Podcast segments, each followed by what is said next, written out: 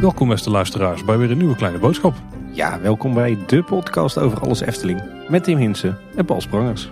Tim, ik moet nog terugkomen op een van mijn uitspraken uit de vorige nieuwsaflevering, denk ik. Welke precies? Eh, Dat de Efteling in april weer haar deuren gaat openen voor publiek. Ik heb zo'n vermoeden dat dat toch niet gaat gebeuren.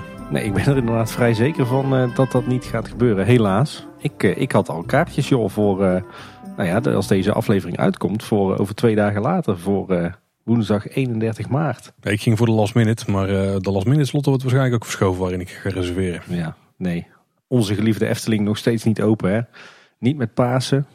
op zijn vroegst op 20 april. Maar ik moet eerlijk gezegd bekennen dat ik daar ook wel een hard hoofd in heb. Zoals zich alles nu ontwikkelt, ben ik bang dat het niet gaat gebeuren. Maar u weet, ik kan nog gelijk krijgen, maar ik denk dat ik terug moet komen op die woorden. Ja, dat denk ik inderdaad ook. Daar gaan we het daar natuurlijk nog over hebben. Ja, laten we deze nieuwsaflevering maar niet eh, te gedeprimeerd beginnen, toch? Nee, dat zou zonde zijn. Dus we zullen eens gewoon naar de follow-up gaan. Ja, gaan we doen. We kregen wat reacties op aflevering 204. Daar hadden we het onder andere over Monsieur Cannibal en wat ze daar eventueel mee zouden kunnen doen op korte termijn. En toen kregen we een berichtje van Sander van de Vijf Zintuigen. En die wisten te melden, en wisten wij natuurlijk ook, maar daar hadden we toen niet bij stilgestaan. Dat in de beginjaren er helemaal geen beeld in het midden van Monsieur Cannibal stond. En dat die dus pas later is gekomen. Dus er is helemaal geen noodzaak dat die blijft staan. Er staat een soort betonnen sokkel en daar is het beeld overheen geplaatst. Dus als ze het beeld weghalen, ik ga ervan uit dat die er nog steeds op die plek onder staat. Ja. Dus daar heeft Sander helemaal gelijk in. Ja, ja want om het even te, te verduidelijken. Jij zei misschien dat ze het beeld niet weghalen omdat die eh, een constructieve functie heeft. Hè? Omdat er een kolom in het midden staat die eh, het dak eh, omhoog houdt. Oh nee, nee, nee. Wat ik meer bedoelde is dat, eh, dat er misschien zo'n gevaarlijk scherp metalen constructie onder zit. Dat ze die niet weg wil halen omdat het dan gevaarlijk is voor de bezoekers van de attractie. Oh nee, nee dat, dat, is, dat lijkt me inderdaad ook niet het geval. Het, het beeld is puur decoratief. Dus die kunnen ze wat dat betreft makkelijk weghalen. En netjes een plaatje over de draaischijf. En dan is het allemaal opgelost. Kijk, en dan nog een follow-up van onszelf. De vorige aflevering haalde namelijk aan dat je kon stemmen in eh, de wereld van de Efteling. We hebben die termen flink opgerekt voor die situatie. Want je kon namelijk stemmen in het Rabobankpand wat op de hoek van Europalaan staat. Wat inmiddels van de Efteling is. Dat is al een aantal jaar. Het staat zelfs te koop inmiddels alweer. En dat heb ik gedaan. Ik eh, ben daar geweest en eh, wat, wat denk ik Tim? En wat bleek Tim? Het was toch iets meer Eftelings dan ik had verwacht. ik wilde net vragen, hoe voelde dat nou? Stemmen in de Efteling? Nou Ja, op zich de ruimte en de binnenkant die heeft weinig met de Efteling te maken. Ja, aan de buitenkant hangt een banier van de Efteling en daar hangen ook wat vlaggen. Maar ik kwam binnen en eh waarin er stond gewoon een, eh, een klassieke Eftelingse prullenbak. Zo'n metalen met zo'n klep aan de bovenkant. Dus ik heb daar gewoon eh, ritueel iets weggegooid. Ik miste alleen nog een beetje de opvliegende wespen. Maar verder was, het, eh, was dat toch een klein beetje een Efteling ervaring. ja, en dat midden in de lockdown. Hè? Dus jouw dag was meteen, eh, meteen hartstikke goed. Eh, op dat moment was hij hartstikke goed, ja. Was er verder binnen eigenlijk nog wat interessants te zien? Uit eh, eh, iets wat de Efteling eventueel aangepast heeft na het eh, verdwijnen van de Rabobank? Nou, wat ik kon zien hebben ze weinig aangepast. Zoals de balie zat er nog in bij binnenkomst. En de stem was zeg maar in het oude wachtgedeelte. Dus achterin als je binnenkomt. Voor de mensen die er bekend zijn, er zullen er niet zo heel veel zijn denk ik. Dus redelijk eh, eh, narrow targeted eh, content dit. Ja. Maar daar hadden ze ook vrij weinig gedaan volgens mij. Al leek dat denk ik ook gebruikt te worden als kantine nu. Voor de mensen die daar werkten. Er was een soort balie gemaakt die er volgens mij voorheen niet was. Waar je ook achter kon gaan staan. Terwijl ik in mijn gedachten daarvoor ook alleen een koffiebarretje was. Nou, dus als er luisteraars van ons zijn die, eh, die een, een flink bedrijf hebben en een nieuw kantoorpand willen en ze willen vlakbij de Efteling zitten, kijk dan op, eh, wat zal het zijn? Funda Zakelijk. Er staat volgens mij wel een groot bord buiten. Dus rijd er eerst even langs en dan zie je gegarandeerd waar je moet zijn. Precies. Toch leuk, stemmen in de wereld van de Efteling. Hè? Hey, en dan had ik eh, ook nog een eh, follow-up puntje op mezelf. Eh, de vorige keer meldde ik dat er in de, Duinkoerier een vergunningsaanvraag stond voor een depot aan de Dodenauweg. En wij vroegen onszelf toen af of dat misschien wat te maken had met werkzaamheden van de Efteling of voor de Efteling. Dat is niet het geval, want deze week stond er een verduidelijking in, of eigenlijk een aangepaste vergunningsaanvraag. Het is namelijk een depot voor werkzaamheden in de wijk Heiakker. Dat is de wijk die aan de andere kant van de Europalaan ligt in eh, Kaatsheuvel. Die wordt momenteel heringericht. En blijkbaar worden dus wat, eh, wat spulletjes, wat bestrating of rioolbuizen of eh, grond opgeslagen eh, aan de Dodenauweg. Op ja, het terrein waar de Efteling ooit nog eens een tweede themapark en een parkeerterrein en misschien wel een uitrijk wil realiseren. En dan hebben we nog wat eigen follow-up, Tim. Namelijk op aflevering 205, dat was ons eh, bezoekje aan het golfpark. Een van de dingen die ons toen opvielen toen wij daar rondliepen, was dat er nog best wel wat Efteling-A's waren. Onder andere op Wapper Boding, eh, die bijvoorbeeld bij de parkeerplaats stond. Die zijn inmiddels weggehaald. Mhm. Er zijn nog steeds wel op een aantal plekken wel die Efteling-A's te bekennen. Vooral eh, op de hol zelf. Maar ik heb zelf ook nog een stukje follow-up hier. Want we stonden er al nog van na te praten over Joris. En die kon misschien wel merken in de aflevering dat ik redelijk op hinten. Of dat je nou met je kinderen bijvoorbeeld gezellig een middagje kon gaan golven. En die zei van, uh, naar de rand ook van, ja joh, kom gewoon langs, ga gewoon naar de balie. Dan zeg je van, ik kom even op de green wat, wat balletjes slaan. De op de green is gewoon, weet je wel, oefenen met putten. Dus ik ben nou op een, volgens mij zelfs de maandag meteen daarna, ben ik met mijn dochters erheen gereden naar school. Hebben we wat clubs opgehaald en ze waren inderdaad heel vriendelijk. Ze zijn zelfs bij de driving range, het volgens mij de golfschool of zo. Daar zijn ze nog kinderclubs gaan halen, kinderputters. En toen hebben we daar een goed uur op de green gehangen, op de oefengreen die daar links van het hoofdgebouw ligt. Ja, dat was prima. Stel je woont in de buurt en wil eens een keer wat anders doen met je kinderen. Dan uh, helpen ze daar met alle liefde. En dan kun je daar lekker een uurtje gaan, uh, ja, een soort gaan midget golven eigenlijk. ja, inderdaad. Lekker fanatiek, Paul, dat je meteen er zo ingedoken bent en het zelf bent gaan uitproberen. Wij zagen er ook vrij fanatiek uit, want er kwam meteen een dame na ons toe die de golfclubs van een kleinkind volgens mij wou slijten aan ons. Maar zo, zo klaar we er niet voor. We gaan eerst nog een keer of twee oefenen en dan kijken of we daar misschien nog uh, er iets meer mee gaan doen. Kijk, maar het was wel voor herhaling vatbaar dus. Ja, zeker. Ja. Mooi. Ja, dan gaan we naar de hoofdonderwerpen. En er zijn een aantal projecten op dit moment bezig in de Efteling waarbij gebouwd wordt. Er wordt, nou laten we er al zo'n termen bij trekken, er wordt verticaal gegaan. Ja, zeker bij één project. Ja, en staat op het punt van, denk ik. Dus gaat de goede kant op. Zullen we even langslopen, de bouwupdates? Ja, want we hebben de, voor, de, voor de oplettende luisteraar dit jaar natuurlijk drie investeringsprojecten. Hè? Eh, de comfortkamers in het Efteling Hotel, Speelbos Nest en Bekkerij Krumel.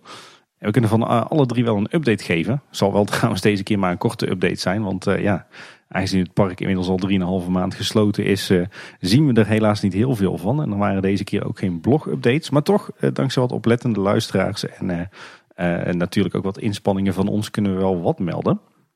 Als we dan eens gaan kijken naar de renovatie van de comfortkamers in het Efteling Hotel. Die werkzaamheden zijn inmiddels gereed. Het bouwterrein, zeg maar het, het parkeerterrein, is inmiddels ook weer helemaal opgeruimd. Dat kan gewoon weer worden gebruikt als parkeerterrein. En de vorige keer meldde ik nog dat er ook werd gewerkt aan de glazen luifel boven de entree van het hotel. Die is toch gewoon teruggekeerd. Dus misschien zijn die glasplaten schoongemaakt. Misschien zitten er ook wel nieuwe, nieuwe glazen platen in. Dat zou ook nog kunnen. Maar die blijft dus gehandhaafd. Ik meen me te herinneren dat de bedoeling was dat de werkzaamheden klaar zouden zijn op 8 maart. Maar uiteindelijk werd dat volgens mij om en nabij 22 maart. Voor zover ik het van de buitenkant nog kon beoordelen natuurlijk. dus ja, een uitloop van twee weken op de originele planning. Maar dat is natuurlijk helemaal niet spannend, aangezien het, het park en dus ook het hotel toch niet open zijn. Maar ze hebben het desalniettemin nog steeds razendsnel gedaan. Dus ik ben erg benieuwd naar het, het eindresultaat, naar de nieuwe comfortkamers, de opgeknapte gangen en de opgeknapte liften. Ja, hopelijk kunnen we snel een keer gaan kijken. Ja, zou heel tof zijn. Ja, en dan door naar Speelbos Nest. Ja, daar hebben we vooral zaken van afstand gezien. Dankzij wat oplettende luisteraars die foto's maken rondom de Efteling. En ja, er is een nieuwe flinke houten speeltoren geplaatst, lijkt het. Maar staat dat bij de entree van het speelbos? Dat is nog niet helemaal duidelijk, hè? Ja, dat is wat ik wel een beetje kon herleiden van de foto's. Ik weet natuurlijk niet 100% zeker, maar daar, daar, leek het wel op. Ja, dat is volgens mij niet een toren waar ook een eh, glijbaan of zo aan vastkomt. Maar die zit denk ik wel vast aan het vlonderpad wat zo rondom speelbosnest komt te liggen. Ja, het zag er voor mij wel een beetje uit als, uh, als echt zo'n klimtoren hoor. Ja, dan zou dat best kunnen. Maar als ik me van de tekening herinner, ja, komt er niks bijzonders in die hoek. Maar misschien zitten er meer verrassingen in speelbosnest dan wij nu weten. Dat zou heel tof zijn. Ja. Ik kijk trouwens wel uit naar de opnames bij de, de opening. Ik zie ons met z'n tweeën met de twee microfoons uh, al door die klimtorens en uh, sjouwen van de glijbaan af. Dat wordt uh, dolkomisch. Ik denk, ik denk dat we eerst naar achter gaan en even daar waarschijnlijk vrij lelijke horecapunt gaan bekijken. Maar niet vanwege hoe het eruit ziet, maar vooral vanwege de inhoud van het horecapunt. Ik heb soms vermoeden dat we daar al eens te vinden zijn. Naar de Kurtos Ja, zoiets, ja. Ik deed hem uit mijn hoofd, Paul. Ik had hem nog niet eens in het rijboek staan. Kun je nagaan? Ik verwacht hem die aflevering ook wel een paar keer langs te horen komen. ja. En dan een groot nieuw gebouw wat in de Efteling gaat verschijnen. Bakkerij Krummel. Daar hebben we inmiddels een flink ketenpark gespot, hè? Ja, inderdaad. Er is een, eh, een, eh, flinke bouwketen neergezet. Een, eh, of een combinatie van een hoop keten, eigenlijk twee, twee lagen. volgens mij hebben ze dat een beetje neergezet op de hoek, zeg maar, richting de Karpervijver ja, eigenlijk als je vanaf de spoorwegovergang Fata Morgana richting Max en Moritz zou lopen. Ergens ter hoogte van de, van de Karpervijver, daar in dat hoekje, daar staat hier natuurlijk het gebouw niet in de weg en, en ook de logistiek van het park niet. Dus daar staan de bouwketen en ik zag ook dat achter de Fata Morgana dat er nog wat containers zijn neergezet waar ze wat spulletjes op kunnen slaan en misschien wat dingen kunnen zagen. Dus de bouwplaats daar is al ingericht. Ja, en verder, ik kijk er wel enorm naar uit om dit project eh, te gaan volgen. Want zeker vanuit bouwkundig oogpunt is dit toch wel, denk ik, het, eh, het meest eh, interessante project wat dit jaar gerealiseerd gaat worden. Ik denk trouwens wel dat we even onze verwachtingen moeten temperen. Aan, de, ene kant ben ik zeer enthousiast over dit project als ik de tekeningen zie tot nu toe. Wordt echt een heel mooi Eftelings en tegelijkertijd ook Duits-Oostenrijks gebouw. maar ja, gezien de financiële situatie van de Efteling, denk ik wel dat het, het budget hier heel strak van staat. dus dat overschrijding echt op dit moment echt geen optie is. misschien dat ze ook wel het budget tussendoor nog wat verlaagd hebben in verband met die financiële situatie. Dus ik denk dat we onze verwachtingen ook niet torenhoog moeten laten zijn. Uh, want ja, gezien uh, de financiële malaise denk ik dat het, het budget echt heel, heel erg strak staat. En ook straks zal worden gehandhaafd. En dat er dus voor extra leuke dingetjes weinig geld is. Maar Tim, verkijk je er niet op hè. Die keten is niet wat het gaat worden. Het zien dat ze daar schotjes tegenaan gaan plaatsen. Er komt er echt een gebouw te staan hè. ja. Dat weet ik wel, dat weet ik. Maar ja, ik, eh, wat ik al zei, ik, ik, kijk er aan de ene kant ontzettend naar uit. En de tekeningen die, uh, ja, die zien er echt ontzettend tof uit. Maar ja, we moeten uitkijken dat we onszelf niet, uh, niet rijk gaan rekenen in een jaar waarin de Efteling eigenlijk voor de tweede keer op rij heel erg zuinig moet zijn. dus ik, ik, denk wel dat het in de basis wordt uitgevoerd zoals we de tekeningen hebben gezien. Maar stel er zit, er zit is wat tegen en er zijn, worden meer kosten gemaakt. Dan denk ik dat er snel gezegd zal worden dan bezuinig je maar op uh, andere kosten binnen het project. Want uh, er mag echt geen euro over het budget heen. Ik denk dat dat wel een beetje de, de situatie is waar we nu in zitten. Dat is al voor vrij veel projecten gelden op dit moment. Die nog doorgaan, überhaupt. En, en heel terecht ook natuurlijk in deze situatie. En bij monden van Frans Gounet, dat namelijk deelgenomen aan de sessie op Clubhouse, hebben we nog een extra nieuwtje over Bekkerij Krumel kunnen boven water toveren. Ja. Er gaan namelijk deugnieten verkocht worden. Ja, weer een signature snack erbij eigenlijk hè? Ja, want dit lijken dus die, die deegpoppetjes te zijn waar ja, Max en Moritz tussen airquotes dus in zitten. Dan vraag ik me wel af of er ook uh, verkocht gaan worden. Goh, dat zou toch wel goud zijn. Dus uh, ze hebben de afgelopen jaar gedaan, toen heb ik er ook geen gekocht daar. Maar uh, toch, voor een beetje verspreiden van het Langstraat zoete brood, dat zou toch wel mooi zijn hè? Beetje regionaal bakkerij erfgoed. Ja, maar waar zouden die deugnieten dan, dan zijn? Zouden dat een soort speculaaskoeken zijn in popvorm? Of zou het echt een deeggerecht zijn? Ja, ik denk, ik denk wel dat het een beeldenis gaat zijn van, uh, van Max en Moritz of van Max of Moritz. Ja, ik, ik moet dan meteen toch denken aan een soort van ja, tai-tai poppen of misschien wel peperkoekmannetjes. Maar dan in de vorm van, uh, van Max en Moritz. Ja, dat zou het zomaar kunnen zijn. Ik heb geen idee. Maar wel tof inderdaad dat ze het doen met ook een element uit het verhaal. Ja. En dat klopt ook wel met het hele gebouw natuurlijk. Omdat je ook eh, de handen van Max en Moritz het gebouw op ziet klimmen richting de schoorsteen. En volgens het verhaal vallen ze daar naar beneden en worden ze gebakken tot broodjes. Ze eten zichzelf naar buiten hè, uit het uh, brood. Nou, tof. Signature snacks, altijd goed. Ja, en ook wel een uh, coole naam hè, Teugnieten. Dat uh, bekt wel lekker. Ik ben nu al benieuwd naar de nieuwe vlog van Sean, waar hij dit gaat proberen uit te spreken. ja, inderdaad. Dat is een uitdaging. De vorige keer bespraken we al een cryptische post van Fons. Waar hij een foto was van het bord wat aan de gevel hing van Café de Efteling. En dat daar spannende dingen mogelijk te gebeuren stonden. Of, of nieuwe uitdagingen, nieuwe kansen, nieuwe uitdagingen. Zo stond erbij. Inmiddels weten we wat er gaat gebeuren. Want we hebben bericht gekregen vanuit de Efteling dat het café de Efteling wordt opgeknapt de komende tijd door medewerkers van Efteling. Dus echt een intern project is dit. Ja. En vanaf 1 april wordt die locatie gebruikt voor interne doeleinden. Ja, inderdaad. En voordat mensen denken 1 april, dit is een grap. Dit, dit is geen 1 april grap. Is ons verzekerd, dat weet ook zeker. We hebben het zelf gezien. Alles is opgeknapt daar.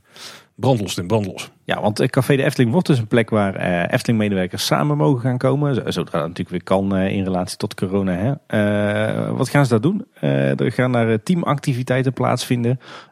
je moet dan denken aan vergaderingen of inspiratiesessies. En in de tuin rond het, het oude café, met name aan de achterkant, daar is er ook, ook ruimte voor sportieve activiteiten. Ja, je zei het al, medewerkers van Efteling zijn nu bezig om, uh, om het oude café op te knappen. Uh, er schijnt behoorlijk wat uh, te moeten gebeuren, want het is een behoorlijk bouwvallig gebouw inmiddels na een aantal jaar leegstand. En maar ze hebben er geen budget voor. het hele interieur en alle andere spullen die ze nodig hebben, die worden eigenlijk ja, zelf bij elkaar gesprokkeld. Uh, er komen spullen van, uh, van medewerkers thuis uh, die kant op. ik heb wat gelezen over een tafeltennistafel en zelfs karpers voor in een vijver. maar ook overtollige materialen uit het park zelf die, die worden gebruikt. Er zijn overigens geen plannen om Café de Efteling weer in te gaan zetten voor externe activiteiten of voor commerciële activiteiten. Het wordt dus echt, ja, echt een soort teambuildingslocatie voor Efteling personeel. En de collega's van Eftelingstraat.nl die wisten trouwens nog te melden dat er buiten onder meer een voetbalveld komt, een moestuin en picknickbanken. En uh, ja, dat we het moeten zien als een soort ontmoetingsplek voor Efteling-medewerkers en een uh, ja, soort van sporthuis. Ja, je kunt ook al vrij veel zien als je er zelf langs gaat. Dat hebben we volgens mij beide gedaan de afgelopen tijd. je kunt bijvoorbeeld aan de voorkant zien dat het hele terras daar is schoongemaakt. Volgens mij komen daar de picknickbanken te staan, denk ik. Ja, lijkt mij ook. En we hebben gezien dat alle ramen dus inmiddels uh, weer zijn ja, vrij gespijkerd. Hoe moet je het doen? De, alle platen zijn weggehaald. Dus je kunt overal weer gewoon naar buiten en naar binnen kijken. Ja, inderdaad. En uh, ja, iedere keer als ik er langs fiets of langs rijd, dan uh, zijn er uh, toch best een aantal Efteling mensen bezig. Er staan accukarren van de Efteling. ik heb binnen ook al wel gezien dat er bouwlampen aanstaan en dat er flink wordt schoongemaakt en geklust. Dus wat je al zei, het is echt geen 1 april grap. Het is echt ja, een soort van... De, het is nu eigenlijk al een soort van teambuildingsactiviteit hè? Ja, en maar wel tof dat ze dit aan het doen zijn. Kijk, het is natuurlijk een tijd dat niet al het personeel volle bak aan de gang kan. Dus het is natuurlijk wel een soort plek om mensen aan de gang te houden. En een project was uiteindelijk dus ook zelf iets aan hebben. Want het is wel tof dat je aan iets mee kunt werken en dat je daar dan zelf uiteindelijk ook profijt aan kunt hebben. Ja, ja het is natuurlijk ook een hartstikke leuk eh, projectje om eh, met een, eh, een aantal mensen aan te werken. Juist in zo'n lastige tijd als nu, hè, dat er eigenlijk weinig werk is. En dat, ja, dit houdt de moed er denk ik ook wel een beetje in. Ja, zeker. De eerste keer dat wij erover gingen denken was wel vanwege een berichtje van Fons. Dus die zal er ook wel volle bak achter staan, denk ik. Volgens mij heeft die dit ook wel mooi. Ik vind dit wel typisch zo'n projectje voor Fons, ja. Ja, en slim natuurlijk, want je, je, we hebben natuurlijk al eerder gemeld dat Café de Efteling sinds een tijdje eigendom is van de Efteling. Ja, als je dan toch uh, een gebouw hebt waar verder niks mee gebeurt en wat leeg staat. Ja, dan is het natuurlijk uh, een geweldig initiatief om dan te zeggen, daar maken wij een soort van uh, clubhuis van. en knap het maar op met een hoop mensen, zonder dat het heel veel geld gaat kosten. Want ja, dat geld is er momenteel natuurlijk niet. En het is echt een uitgelezen kans om ja, om eigenlijk zo'n stukje vastgoed wat je als Efteling hebt en waar je niks mee kan, om dat toch op een uh, hele zinvolle manier in te zetten. En het, het, ligt natuurlijk vlakbij het park, maar als je eenmaal bij Café de Efteling bent, dan ben je voor je gevoel wel echt buiten het park. Dus als je even met een groepje mensen even je gedachten wil verzetten en echt even uit die Efteling-bubbel wil, ja, dan is dit natuurlijk een prima plek om dat, dat te doen. En dit raakt een beetje bij ons op de radar vanwege die post van Fonds, maar er zijn dus nog andere gebouwen in de Efteling waar ook nog iets mee zouden kunnen doen. Ja, inderdaad, want de Efteling heeft stiekem uh, best wel een hoop vastgoed in bezit, uh, wat je niet in eerste instantie zou uh, verwachten. het oude café de Efteling dus, wat dus die teambuildingslocatie wordt. Uh, maar we hadden het ook al eerder over uh, de oude Rabobank hè, op de hoek van de Europalaan in de Horst. Die is dus uh, van de Efteling nu. En ja, daar kunnen ze eigenlijk weinig mee behalve verkopen. maar wist je bijvoorbeeld dat er in het, het buurtschap Bernse Hoef, wat eigenlijk midden in de wereld van de Efteling ligt en waar ook heel wat van die notoire bezwaarmakers wonen, dat de Efteling daar inmiddels ook maar liefst drie percelen in eigendom heeft met, met woningen en boerderijen en weilanden. Dat wist ik ja. Maar ik denk onze luisteraars niet. Dus goede info Tim. Ja, precies. Uh, als je vanuit, uh, zeg maar vanuit Efteling, vanuit de brandweerkazerne richting het golfpark zou rijden, uh, dan zijn het de, de eerste twee adressen aan de linkerkant. die van de Efteling zijn. Het eerste adres is natuurlijk de oude minicamping Bernhoeven. En dan maak je vervolgens een bochtje naar links. En dan voordat je weer een bochtje naar rechts maakt, dat, die woning bij de oude varkenshouderij, die is ook van de Efteling. Maar dat is nog niet alles. Uh, ze hebben natuurlijk ook uh, de gebouwen op het uh, golfpark. Het golfpark wat nu niet meer uitgebaat wordt door de Efteling zelf, maar door de HGE. Dat weten we inmiddels. en ze hebben ook nog een manege. Of tenminste, manege de Duikse Hoef. De grond daarvan die is in, in eigendom van de Stichting Natuurpark de Efteling. Ik geloof de gebouwen niet meer. ze hebben een soort van opstalrecht. maar dat is ook nog van het vastgoed wat je niet zou verwachten bij de Efteling. En in het verleden hadden ze zelfs nog meer. Uh, zo kon je op de hoek van uh, de Eftelingstraat en de Horst, op adres Eftelingstraat 1, uh, eh, stond nog een oude directiewoning die eigendom was van de Efteling en die werd verhuurd. ze hebben aan de Horst nog een tijdje een boerderij en een woning in eigendom gehad voordat die gesloopt werden voor de komst van Strookrijk. En er is zelfs een tijdje geweest dat de Efteling een heel aantal dienstwoningen had. bijvoorbeeld langs de Eftelingse straat, in het buurtschapje Kinkerpolder. En zelfs nog een heel aantal dienstwoningen in de Prinsessenbuurt. Dus de Efteling is eigenlijk gewoon een, uh, ook een beetje een Kaatseuvelse vastgoedmagnaat. ja, ja, dan zijn ze wel geneigd om dingen te slopen toch? ja. Nou, hoewel, die in de Prinsessenbuurt staan er allemaal natuurlijk. Ja, die zijn dan weer uh, uiteindelijk verkocht. Ja, dat proberen ze dus met het Rabobankpand ook te doen. Maar de andere percelen die uh, willen ze voorlopig nog niet van hand doen volgens mij. Nee, die, die drie percelen in Bernse Hoef, die worden alle drie verhuurd. Uh, ja goed, en ik kan me op zich wel voorstellen dat ze natuurlijk langzaam maar zeker dat hele buurtschap op willen kopen. Nu zit het natuurlijk best wel uh, ingewikkeld in elkaar. En met midden in de wereld van de Efteling zo'n buurtschap met, uh, met allemaal woningen en, en boerderijen. Ja, ik snap best dat de Efteling dat op termijn zoveel mogelijk wil opkopen. En ja, uiteindelijk als dat gelukt is, dan zullen ze ook al die woningen en boerderijen slopen en bij de wereld van de Efteling trekken. Maar ja, tot, tot die tijd kunnen ze er nu mooi wat huurinkomsten voor vangen. Ja, dat is wel een uh, druppel op een gloeiende plaat, denk ik. scheelt weer iets in ieder geval. Het Tim, als het goed is, kijken we uit naar de Efteling die weer gaat openen binnenkort. Maar er is nog iets heel tofs om naar uit te kijken later dit jaar. En dat is namelijk de documentaire van de vijf zintuigen van Fata Morgana. Want die zou dit jaar dus gereleased moeten worden. Dat weten we inmiddels. En dan denken jullie, waarom halen we dit nou aan op dit moment? Nou, groot nieuws. Later deze week, misschien vandaag, misschien morgen, misschien overmorgen. In ieder geval ergens deze week. Gaat de nieuwe trailer daarvan online komen. En die geeft ook wel een aardig voorproefje van wat we gaan krijgen, denk ik. Ja, absoluut. Wij, eh, wij hebben het, eh, de eer gekregen om hem eh, alvast te kunnen bekijken. een aantal dagen voordat hij daadwerkelijk uitkomt. ja, wat je al zei, we weten dus niet zeker wanneer dat hij echt in de openbaarheid komt. Maar hou daarvoor vijfzintuigen.nl in de gaten natuurlijk. Ja, Paul, ik heb die trailer inmiddels een paar keer bekeken. Ik heb hem echt van begin tot eind met kippenvel zitten bekijken.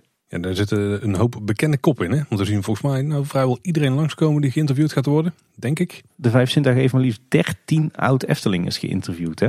Ja, er zijn een aantal eh, bekende gezichten. Ook een aantal mensen die we nog niet zo goed kennen. Dus ik ben heel benieuwd wat die allemaal te vertellen hebben over alle aspecten van het, uh, van het verhaal. We horen in ieder geval een paar onderwerpen langskomen die besproken gaan worden in de documentaire. Onder andere het ontwerp gaan we het over hebben. Het licht. Animatronics natuurlijk. Hoe kan het ook anders? En met wie zou daar zijn? Natuurlijk met uh, onder andere Marie van Heumen. Onder andere Mari inderdaad. Maar sowieso met Mari. De kostuums. Eh, maar ook heel tof de reis van Ton naar Marokko. Er zijn bewegende beelden van. Volgens mij vanwege wat privébeelden die ze hebben opgedoken. Ja. Bij de familie van de Ven. En het zit natuurlijk bomvol anekdotes. En uh, die grote lamp die Ton heeft gekocht op dat reisje. Die komt natuurlijk ook al voorbij hier uh, in de trailer. Maar ik ga ervan uit dat de documentaire daar zelf nog veel voller zit. Met allerlei toffe weetjes die wij nog nooit hebben gehoord. Nee, ik begreep dat, die, dat het uiteindelijk het documentaire 1 uur en drie kwartier gaat duren. Zo. Mooi, mooi, mooi, mooi, mooi. Enorm veel, uh, veel uh, materiaal. Uh, wanneer de docu precies uitkomt, dat is dus niet duidelijk. later dit jaar, maar het hangt even af van hoe het verder gaat met de coronapandemie. Want ze willen echt een, een première organiseren waarbij we weer met z'n allen bij elkaar komen in een zaaltje. En dat kan voorlopig natuurlijk nog niet. Maar ja, de trailer alleen al is al echt eye candy. Ik heb echt zitten smullen. Zoals jij dat zo goed kan. ja. Ja, dan komen we weer bij het gevreesde onderdeel, de coronacrisis. Of misschien moet het eigenlijk gewoon noemen. Hoe begaat het Efteling tijdens de coronacrisis? Ja. Want we hadden het net al over aan het begin. Is de Efteling met paas open?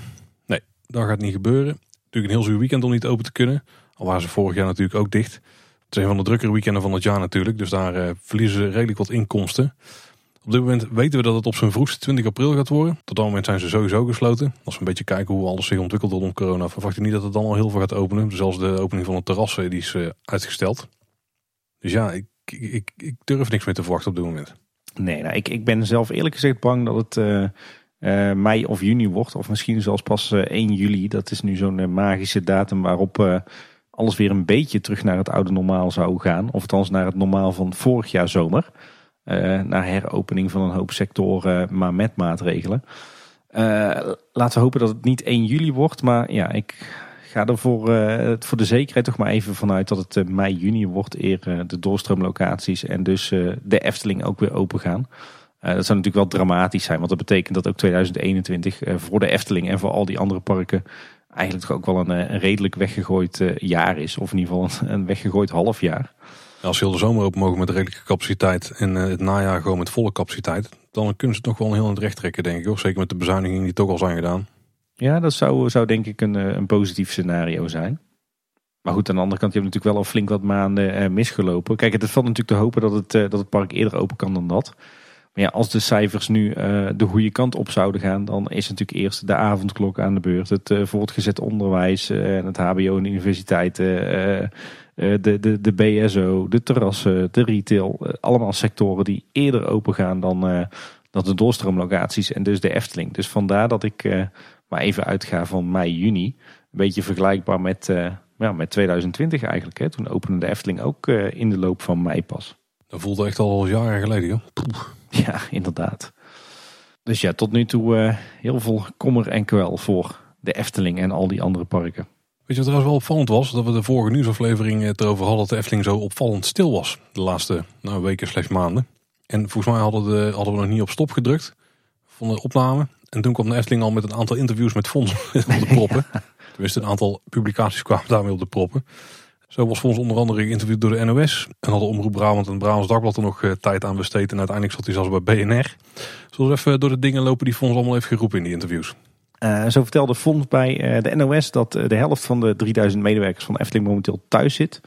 En de andere helft die houdt het park draaiend. hij gaf daarin aan dat de Efteling zo snel mogelijk weer open kan. want zo zei hij, mensen zijn niet meer binnen te houden. En bij ons is het veiliger dan in de drukke natuurgebieden. Ons Sprookjesbos is het veiligste bos van Nederland. die laatste zin was een, een, quote die door heel veel mensen werd aangehaald. En ja, ik vind dat Fons hier eigenlijk 100% gelijk in heeft. Zeker als ik de situatie in de natuur zie de laatste weken. Nou, vertel dan maar eens aan de grootmoeder van Roodkapje. Ja, precies. Inderdaad, die zal er vast andere gedachten over hebben. Fons geeft ook aan dat het komende hoogseizoen eigenlijk cruciaal wordt voor de Efteling. Uh, er liggen heel veel scenario's klaar, ook voor het geval dat er een vaccinatiepaspoort uh, verplicht zou gaan worden. Uh, wat, wat, de Efteling betreft kan het ook zonder. maar als het moet vanuit de Rijksoverheid, dan doet de Efteling dat. En dat snap ik ook wel, want op zich is het natuurlijk weinig extra moeite om te vragen om zo'n vaccinatiebewijs. Fonds geeft verder aan dat de beperkingen ervoor gaan zorgen dat 2021 opnieuw een heel zwaar jaar wordt ja, wat we net eigenlijk ook al zeiden zelf. En dat ook 2022 en 2023 waarschijnlijk financieel pittig worden voor de Efteling. Want volgens die legt uit uh, dat de investeringen die ze nu hebben uitgesteld natuurlijk alsnog gedaan moeten worden op een later moment. En zo geeft hij daarbij ook aan dat uh, de voorgenomen uitbreiding, uh, en ik denk dat hij dan doelt op Strookrijk, dat die in ieder geval een aantal jaren vertraging oploopt. Dan vraagt hij nog of dat bij de Efteling misschien niet bosjes bloemen moeten gaan sturen naar al die klagers. Stel die hadden niet geklaagd, dan was er waarschijnlijk in 2020 een nieuw themagebied geopend op het moment dat er bijna niemand kon kopen. Vermoed de grootste investering die ze tot dan toe hadden gedaan. Mhm. Dan hadden ze helemaal eh, financieel aan een flinke strop gehangen. Ja, inderdaad. Dat is ook wel weer een voordeel bij een nadeel, ja. Ja, het Omroep Brabant en Brabants Dagblad die namen die berichtgeving over, maar die hadden nog wat eh, extra navraag gedaan. Eh, de woordvoerder van Efteling meldt namelijk dat de uitbreiding dus minimaal één jaar vertraging op gaat lopen. We willen heel graag, maar het is even afwachten hoe de rest van het jaar financieel gaat lopen. Daarbij ze, dat voeg ik even toe. Natuurlijk ook nog even afwachten hoe het bij de Raad van State allemaal gaat lopen. Laten we daar niet op vooruit lopen. Is ook vrij relevant, ja. En ook geven ze aan, onder de huidige ongunstige omstandigheden wordt fors minder geïnvesteerd en wordt de financiële situatie van moment tot moment bekeken. Dit geldt niet alleen voor de werkzaamheden rondom de uitbreiding. Dus niet alleen specifiek de uitbreiding. Ik denk dat dit dan toch, ja, ik lag al bij met het huisje van mevrouw Holles en dat soort, uh, een paddenstoelenparcours. Dat soort uh, dingen waar ze ook geld aan uit hadden willen geven. Ja, alle eigenlijk alle investeringen, alle onderhoudskosten, alle personeelskosten. Hè, dat zijn wel een beetje de, de drie kostenposten waar ze momenteel eh, heel goed naar kijken en waar ze zoveel mogelijk op eh, proberen te bezuinigen. Grappig is trouwens wel dat, eh, dat de berichtgeving werd ook aangehaald door onze burgemeester Hanne van Aert op Twitter. En die zei daar zelf nog bij. En als alle gasten weer een beetje meewerken en zich gedragen, is een dagje uit weer voor iedereen een feestje. Onze Hanne, de burgerfeester. Een goed motto, denk ik, waar we het alleen maar mee eens kunnen zijn. Alhoewel het natuurlijk eh, veel gecompliceerder in elkaar zit eh, dan dit. Hè? Want uh, momenteel gaat het natuurlijk vooral om de besmettingscijfers. En niet zozeer om hoe de mensen zich in de Efteling zullen gedragen. Ja, en dit werd eigenlijk allemaal nog wat concreter in het interview wat Fons later had met BNR. En voor de podcast en volgens mij ook het radioprogramma De Crisis de Baas. en daar geeft Fons aan dat de toekomst van de Efteling er nou niet bepaald rooskleurig uitziet. En hij legt ook uit waarom. En dit, vond ik wel een hele heldere uitleg hoor, want die vraag kregen wij ook van meerdere luisteraars. Hij zegt, eh, we hebben nog steeds wel wat reserves, maar heel eerlijk, 2021 ziet er niet goed uit en ik verwacht voor 2022 en 2023 ook hele zware jaren. Ongeveer 70% van onze normale investeringen hebben we in 2020 uitgesteld. En die gaan we ook in 2021 niet doen. Dat betekent dat die investeringen, heel veel vervangingsinvesteringen, toch uiteindelijk ook in 2022 of 2023 gedaan moeten worden. Maar dan hebben we ook onderhoud nodig. Dus er zullen nog steeds keuzes gemaakt moeten worden, ook in 2022 en 2023. Ja, en dat uh, is natuurlijk een begrijpelijk verhaal, want alles wat je nu vooruitschuift, ja, dat komt een keer terug op je, je planning. En uh, op een moment dat eigenlijk alles tegelijkertijd moet gaan gebeuren.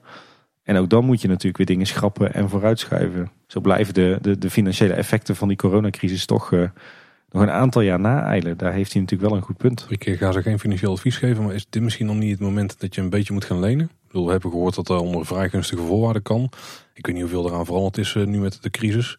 En ik denk dat ze er ook niet aan gaan beginnen op het moment dat de crisis nog bezig is. Maar als het dadelijk over is en je weet het geld komt weer eh, binnen, dan zou het misschien wel het moment zijn om daar eens een keer aan te denken.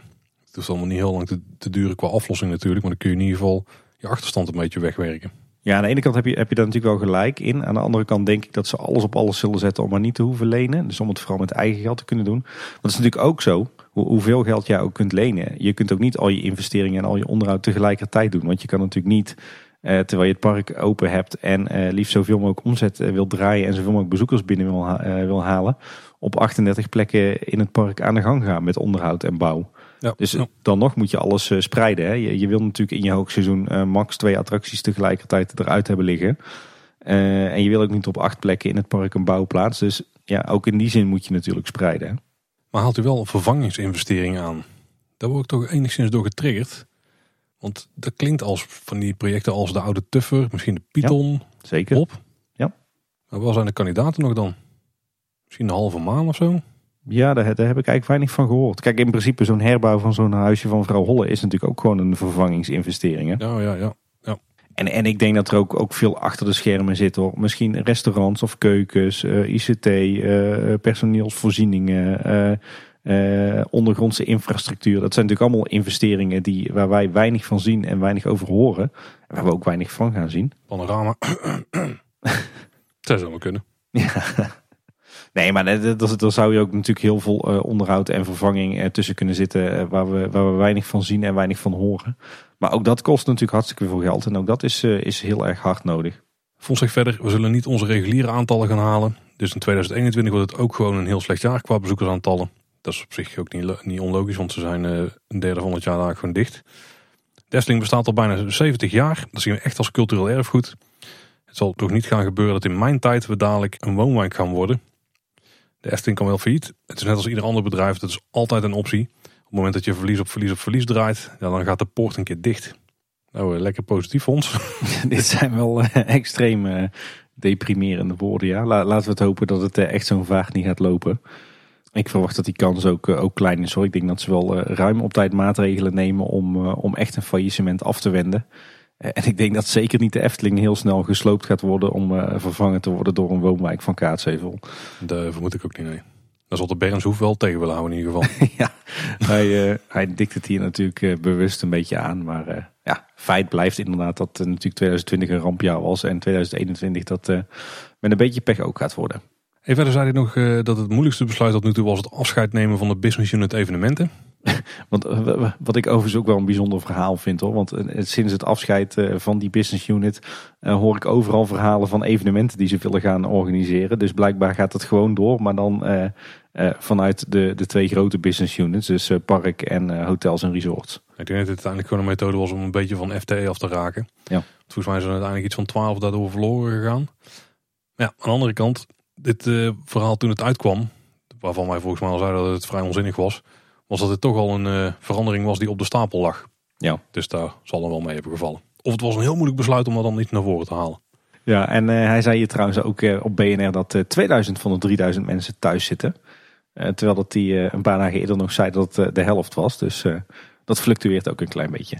Weet je nog dat we eerder het erover hadden dat Fons ook riep dat er ongeveer de helft van het aantal bezoekers was geweest? Ja. Ik denk dat er zich niet per se vertaalt in exact 50% of 45 of 55. Ik denk dat dat ook best wel eens mee kan vallen. Jij wil zeggen dat eh, ergens tussen een derde en twee derde ook een beetje de, ongeveer de helft is. Ja, ik, ik denk dat dat voor Fons ongeveer de helft is, ja. Nou, er zit, zit ook een kern van waarheid in natuurlijk. Hey, weet je wat mij trouwens nog opviel? Maar daar hebben we het de vorige keer eigenlijk helemaal eh, niet over gehad. Er is natuurlijk een, eh, een artikeltje verschenen op de Efteling blog. Van wat missen de gasten nu het meest, nu de Efteling dicht is. Hè? Daar eh, zat eh, ook deze lelijke vent eh, nog tussen. Ehm, maar wat, wat me daar opviel, eh, dat is dat aan het eind van die blogpost... dat er ook nog eh, behoorlijk wat promotie zat om toch maar weer abonnementhouder te worden. En nou hoorde ik uit het geruchtencircuit ook wel dat van die eh, 90.000 abonnementhouders die de Efteling voor de coronacrisis had, dat er daar stiekem al behoorlijk wat van aan het verdampen zijn. Heel wat mensen die natuurlijk eh, al maandenlang eh, maandelijks een bedrag betalen en die denken op het moment dat hun abonnement afloopt van eh, nou laat maar zitten, voorlopig kunnen we toch niet meer naar binnen en we sluiten alweer een abonnement af zodra we weer echt gewoon op de oude manier naar het park kunnen. Maar ik denk dat het wel kan kloppen, ja. Aan de andere kant, die mensen gaan wel terugkomen. Het feit dat de Efteling ze nu zou willen houden, of in ieder geval zou willen dat mensen op dit moment een abonnement gaan afsluiten. Ik zou niet weten wie dat gaat doen. Want de cashflow die willen ze graag hebben natuurlijk. Ja. Ja, het is natuurlijk best wel schadelijk voor de Efteling als, nu, eh, als er nu duizenden of misschien wel tienduizenden abonnementhouders weglopen. Want dat is nu je, ja, eigenlijk zo'n beetje je enige steady inkomstenbron. Ja, kijk, en dan mensen die nu betalen, die krijgen uiteindelijk dan wel te goed op hun pas. Maar daar hebben we het ook al vaker over gehad. Dat, daar, is niet één op één een euro die de Efteling uiteindelijk dan weer aan jou teruggeeft, zeg maar. Want je koopt daar eten en drinken voor. De marge die eroverheen gaan, die snoept de Efteling er in principe gewoon weer vanaf. Maar dat het er geld blijft binnenkomen, daardoor hoef je niet zoveel te gaan lenen. En dat is natuurlijk wel wat de Efteling eh, graag wil voorkomen, of we net al aanhalen. Ja, ja, eigenlijk subsidiëren wij als abonnementhouders een klein beetje de Efteling op dit moment. Hè? Ja, eigenlijk is het wel zo. Het klinkt heel erg niet intuïtief, maar om de Efteling te steunen zou je eigenlijk een uh, abonnement moeten aanschaffen op dit moment. Ja, nou ja, dat is eigenlijk wel gewoon hartstikke waar natuurlijk. Ondanks dat het lijkt dat je dan, terwijl je zit te wachten, geld van de Efteling krijgt. En ik denk dat die mensen, als straks het park weer over gaat, ze inderdaad weer een abonnement gaan aanschaffen. Of in ieder geval een keer langskomen. Want die hebben dus wel te goed opgebouwd in de tijd dat ze nog wel een abonnement hadden, terwijl het park dicht was. Ja, ik hoor alleen wel heel veel mensen daarvan. Eh, want ik ken er ook best wel een aantal die hun abonnement hebben opgezegd. Eh, die zeggen van ja, dan ga ik niet meteen weer naar de Efteling. Dan wacht ik wel tot we allemaal gevaccineerd zijn. En totdat al die maatregelen voorbij zijn. Totdat ik weer gewoon op de Bonnefoy naar het park kan. Maar ja, met een beetje pech betekent dat dus wel dat het 2022 eh, wordt voor al die mensen weer een abonnement nemen. Ja, zodra het park weer overgaan en alles gaat lopen en de pingels komen binnen, zeker als het in de zomer kan, want dan verdienen ze toch een grootste deel van het geld. Dan weet ik niet of dat er zo'n groot probleem is hoor. Als ze het eigenlijk maar wel weer doen. Ja, dat is waar. En ik zeg eh, met een beetje pech 2022, maar uh, uh, misschien moeten we ook heel blij zijn als alles op 1 januari 2022 weer bij het oude is. Is dus geen gedurfde uitspraak om te zeggen, dat zal toch wel. Ik help het je hopen. Mm -hmm. Het volop. Ja. Lekker positief, Tim. Ja, ik zit deze keer inderdaad een beetje pessimistisch in. En dat is eigenlijk niks voor mij. Maar goed. Nou ja, volle promotie dus voor uh, de abonnementen. Uh, maar ook volle promotie eindelijk voor het verblijf. Want de Efteling maakt inmiddels ja, toch best wel wat reclame om dit voorjaar, bijvoorbeeld in de meivakantie, te komen verblijven op Bosrijk. Ook al is het park dicht. En het is trouwens niet voor niks. Ik zag vandaag een, een artikeltje in het Brabants Dagblad... waarin een, een heel aantal verblijfsaccommodaties in de regio werden bekeken... Die vaak ontzettend populair zijn en nu al helemaal vol zitten. Daarin werd ook het Safari Resort als succesnummer aangehaald. Hè. Daar hebben we het ook al vaker over gehad. en in de laatste alinea werd ook even aan de, de Efteling gevraagd hoe het nou zat. de Efteling, Efteling Hotel en het Loosland zijn natuurlijk al dicht. maar onze Steven, inmiddels kennen onze luisteraars hem allemaal. Die gaf aan dat Bosrijk op dit moment maar voor de helft vol zit. en ik denk dat hij het dan over de meivakantie heeft. En nog niet eens over de huidige situatie. Want volgens mij verblijft er momenteel bijna niemand op Bosrijk. Ja, rond flink bovenaf denk ik. Ja, en uh, hij probeert het ook nog een beetje te promoten van joh, uh, er is een gereduceerde prijs. Uh, je zit hier in een natuurrijke omgeving. Je kunt hier mooi wandelen en de speeltuinen zijn open. Maar ja, het lijkt er toch op dat dat verblijven op Bosrijk nog niet echt een, een vlucht neemt. Terwijl heel veel andere vakantieparken in eigen land momenteel wel heel erg hard lopen. Dus ja, misschien dat ze daar qua marketing en sales nog even een tandje bij moeten zetten. Wel opvallend trouwens. Ik zag een berichtje langskomen dat je dus blijkbaar wel het klein waarhuis in kunt. En daar een aankoop kunt doen. Verder mag je niet het park op, maar de receptie en dan rest het klein waarhuis in, dat mag blijkbaar wel. Ja, dat ging er over iemand wou geloof ik bierglazen kopen van de Efteling of zo. En dat, die kon je niet op de webshop vinden, maar dan mocht je wel inderdaad het winkeltje van Bosrijk bezoeken. Dat is natuurlijk gewoon een winkel. Zou dat onder supermarktregels vallen? Dat gewoon helemaal volgestampt mag worden of moet je een thuisslot boeken? Het, uh, het, is in principe een mini-supermarktje. Ja. Ik, eh, ik heb er zowaar weer een uitje in gedachten, Paul. Om toch even dat Efteling gevoel uh, te pakken te krijgen. Jij, ging stemmen en golven in de wereld van de Efteling. Ik denk dat ik daar gewoon even een keertje een ontbijtje ga scoren. Ja, dat is wel een mooie ochtendactiviteit. Uh, daarover gesproken trouwens. Uh, op het Efteling blog stond al een tijdje een artikel over het, het Keienspoor. wat wat je kunt wandelen hè, in het natuurgebied eh, ten zuiden van vakantiepark het Loonse Land. De afgelopen week is die geüpdate. En omdat het, het vakantiepark momenteel niet toegankelijk is, hebben ze daar nu een, een, soort van routebeschrijving voor toegevoegd. Hoe je toch op het Keienspoor terecht kunt komen. wanneer je de auto parkeert langs de Horst. Is momenteel natuurlijk de, de enige optie. Eigenlijk is het een vraag die wij heel vaak krijgen. Die wordt hiermee mooi beantwoord. Ja, inderdaad. En dat was zo'n beetje letterlijk eh, het antwoord dat wij ook altijd eh, geven. Dus eh, dat was heel netjes. overigens las ik daar ook nog op dat van 29 maart tot en met 14 mei dat gedeelte van de Horst gesloten is. In verband met, met werkzaamheden. Dat zal dan aan de fietssnelweg zijn, hè, de F261. Maar dat de parkeerplekken langs de Horst en de toegang tot het Keienspoor wel toegankelijk blijven. En op zich is het wel leuk, want als je nu naar die geüpdate pagina gaat, en we zullen de link natuurlijk in de show notes zetten, uh, dan kun je daar nu ook, uh, ja, het is een soort plattegrondje eigenlijk wat je kunt downloaden. Alleen dan staat er niet echt een wandeling op, maar wel een soort van afstreeplijstje van uh, alle keien die je langs je pad vindt. En die kan je zelf uitprinten. Het is een variant die je ook meekrijgt als je hem vraagt bij de receptie van het Loonse Land inderdaad. Ja. Ja, ja eh, volgens mij letterlijk. En ik ben recent eh, ook weer een eh, rondje Keienspoor gaan wandelen. Eh, op een, eh, een eh, regenachtige zondag. Wat me nog opviel is dat er nu ook op zo'n beetje alle poorten tussen het natuurgebied het Loonse Land en het vakantiepark.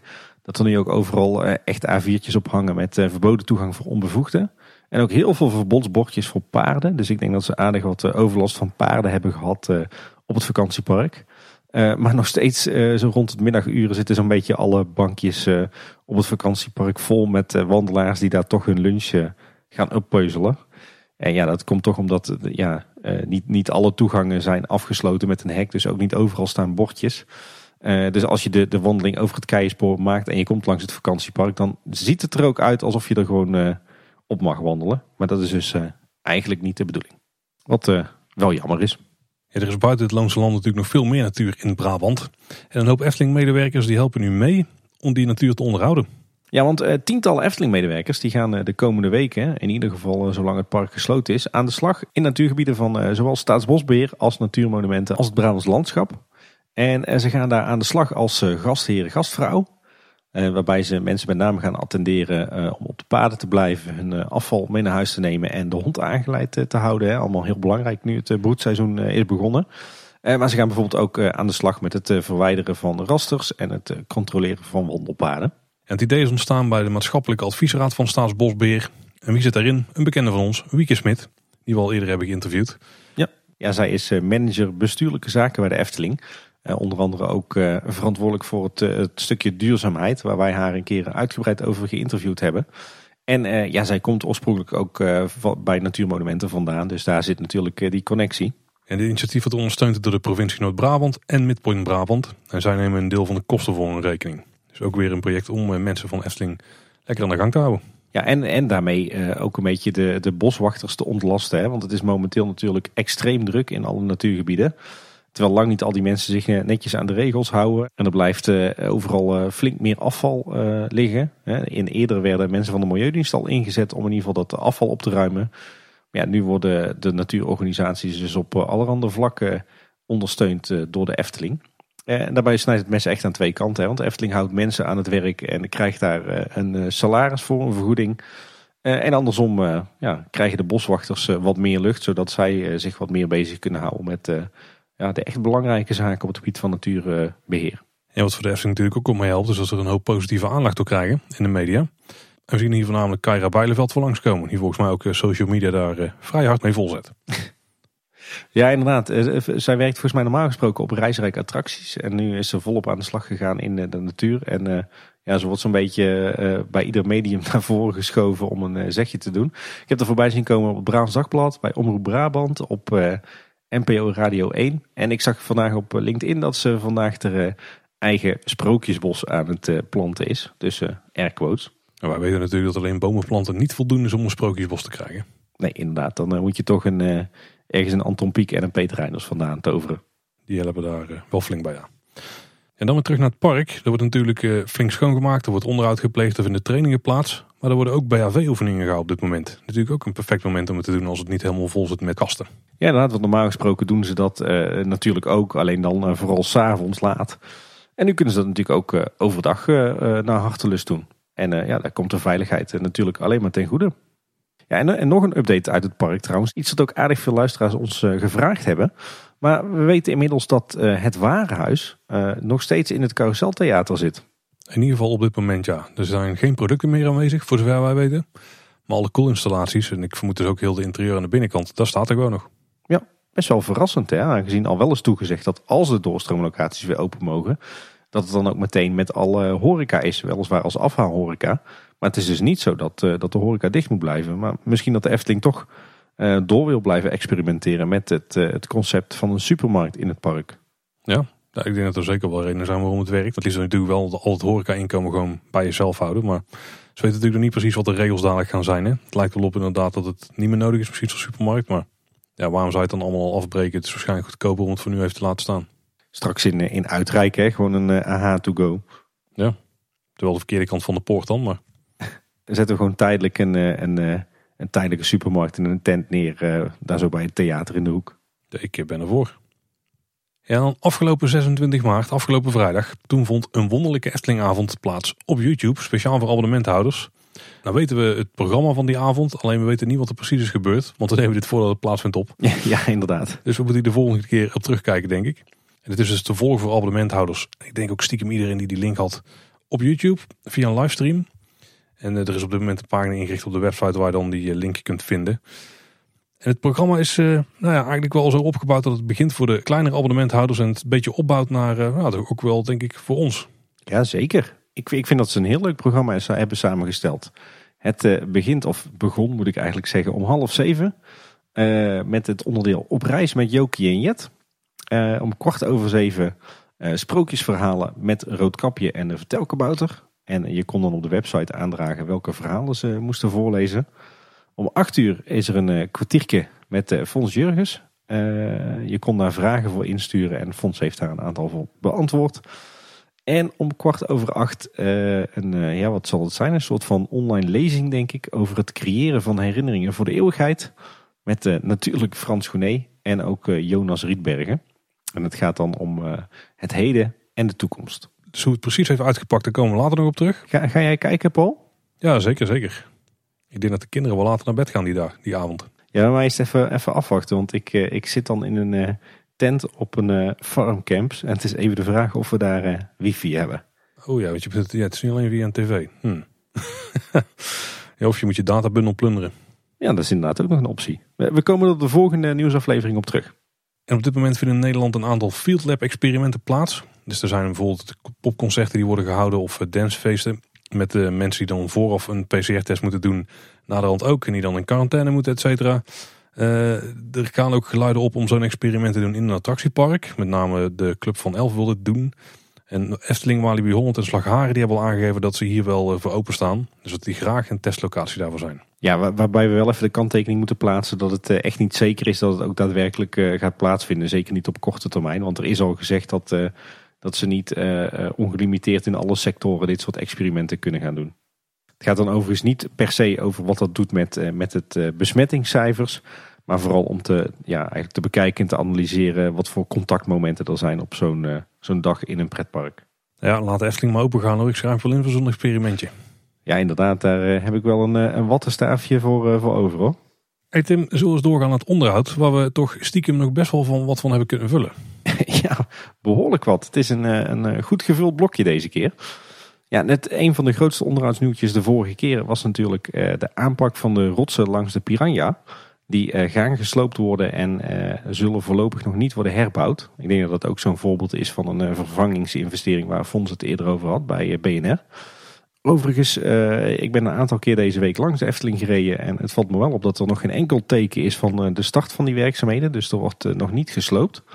Maar we kregen nog een, eh, een, een, interessante opmerking van Daniel. En die gaf aan, en die toonde dat ook aan met foto's, dat tijdens het groot onderhoud in de winter van 2018-2019 uh, dat er al een flink stuk rots verwijderd is. Dat, dat over de baan heen hing. Dus blijkbaar speelde dat, dat issue toen al wel. En zelf vraag ik me af in hoeverre dat hier nou echt werkelijk een, een, een, urgent probleem is. Of dat het misschien ook wat meer rekentechnisch is. Want vroeger werden die rotsen natuurlijk ehm, ja, gewoon maar op de bonnen voor neergezet. Hè, gezet, hè. Er werd een, een beetje beton gestort en er werd een constructietje opgeknutseld met een hoop gaas en beton. En dan bleef het wel staan. En ik kan me voorstellen op het moment dat je nu in 2020 dat er, dat er scheurvorming ontstaat in zo'n rots. En, en je gaat eens kijken naar zo'n rots en je wil aan rekenen. Ja, dat gaat natuurlijk niet. Want het is, het, ja, het is iets wat volgens mij in het verleden is neergezet zonder dat daar echt constructief aan gerekend en getekend is. Terwijl als je nu in 2021 zo'n godspartij uh, neer zou moeten zetten, dan komt daar volgens mij echt een, eh, fundering onder en een betonplaat en een uh, staalconstructie die helemaal is, is doorgerekend op belastingen. en volgens mij heb je dat ook nodig voor de, voor de certificering en de keuring. Dus het zou zomaar eens kunnen dat er nog niet eens echt een urgent risico is op instorting of het, het afbrokkelen van onderdelen van die rotsen. Dus dat, dat die constructieve veiligheid, of eigenlijk vooral het feit dat er dus niet aan te rekenen valt. Die, die onzekerheid die er dan ontstaat. Dat, dat dat uiteindelijk de reden is waarom ze nu die rotsen moeten gaan slopen.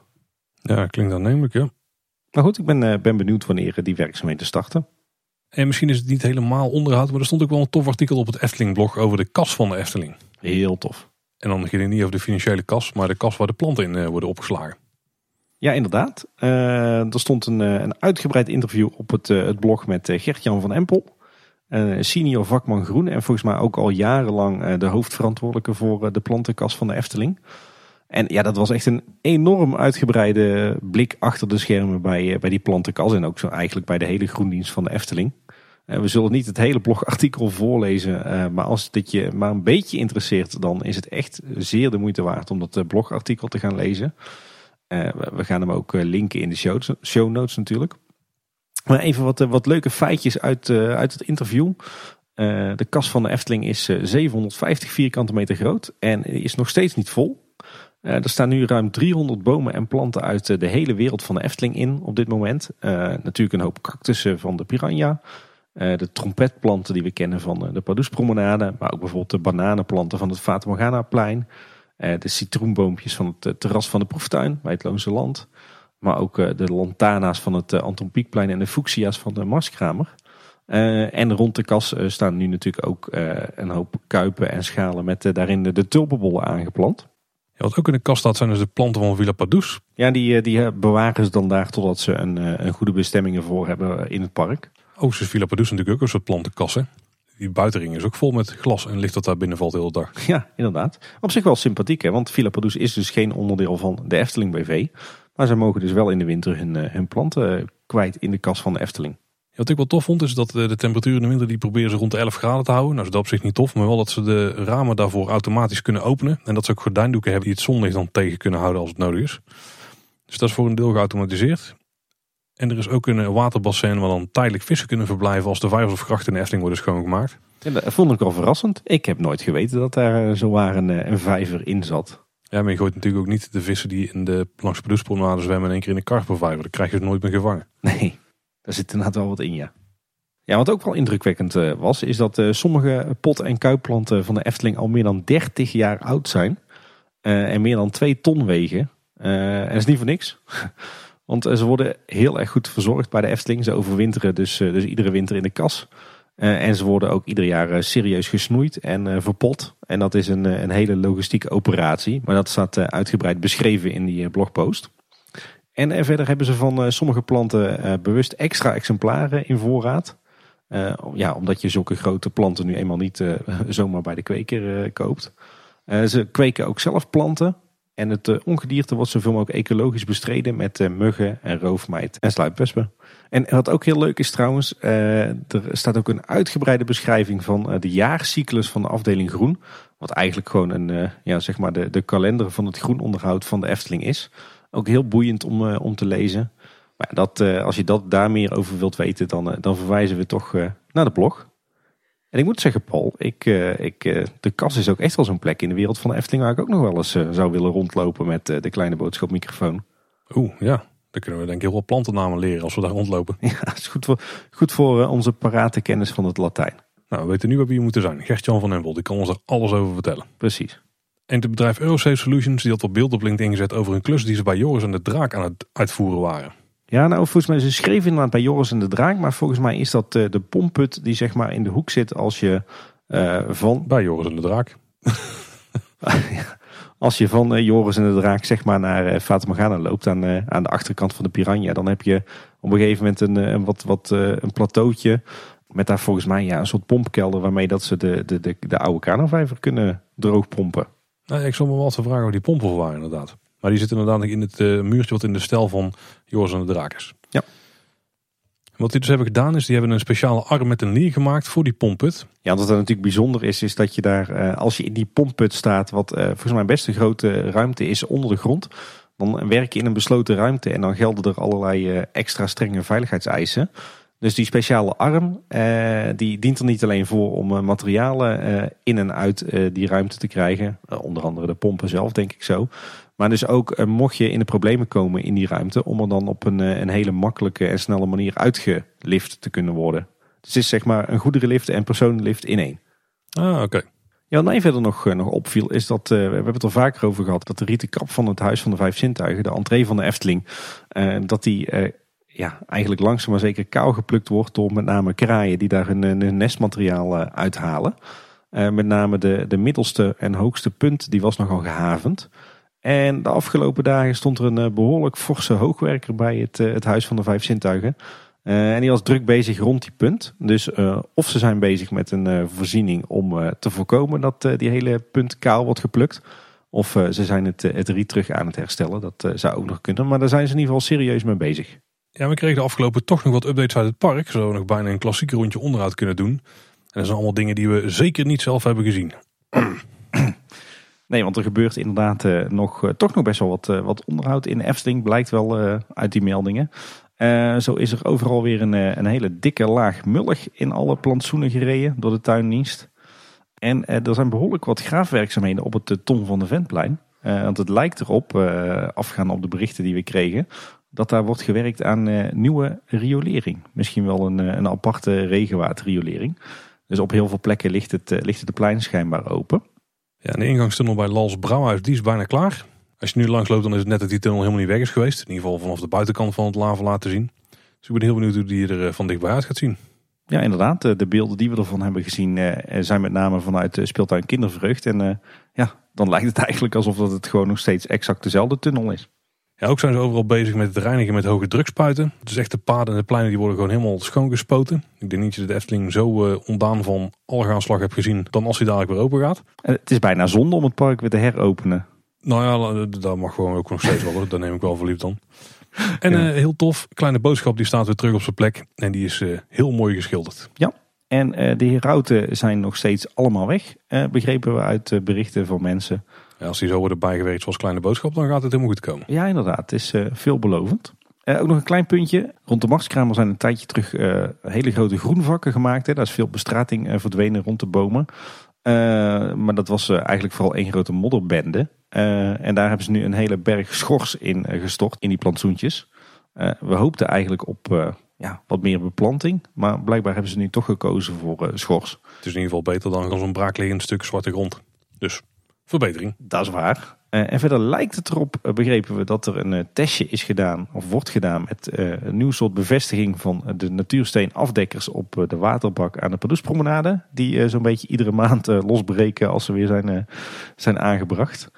En we kregen in eerste instantie ook berichten dat de werkzaamheden aan het huisje van vrouw Holle eindelijk gestart eh, waren. Maar we begrepen later vanuit communicatie dat dat eh, ging om een, eh, ja, een soort practical joke eigenlijk. Hè? Volgens mij was op het braaklucht een stuk grond daar gewoon wat stenen neergelegd. Een paar piketpaaltjes neergeslagen. Volgens mij stond er een, een, een kruiwagentje bij met wat stenen erin. Dat was, dat was niet heel serieus, nee. Nee, daar waren we blij gemaakt met een dode mus wat dat betreft. Ja, of een dode haan in dat geval. Ja, dan gaan we nog even buiten het park kijken. Want uh, er is ook hard gewerkt de afgelopen dagen aan uh, de Kinkerpolder en de Eftelingse straat. Uh, twee wegen die rond de Efteling liggen. In opdracht van de gemeente, wat op zichzelf wel opmerkelijk was. Want beide wegen die zijn 15 jaar geleden door de Efteling aangepakt. Hè. De Eftelingse straat was eerst nog een zandweg en de Kinkerpolder een, Echt zo'n keienweggetje. Die heeft de Efteling toen geasfalteerd en ook de eerste jaren onderhouden. Het lijkt er nou op dat, dat die periode dus 15 jaar was. En dat die dit jaar in onderhoud is gekomen bij, bij de gemeente. En die hebben hem gelijk aangepakt. Zo zaten op de hoogte van de fietsenstalling twee fietssluisjes. Waarvan er eentje zijn functie had verloren.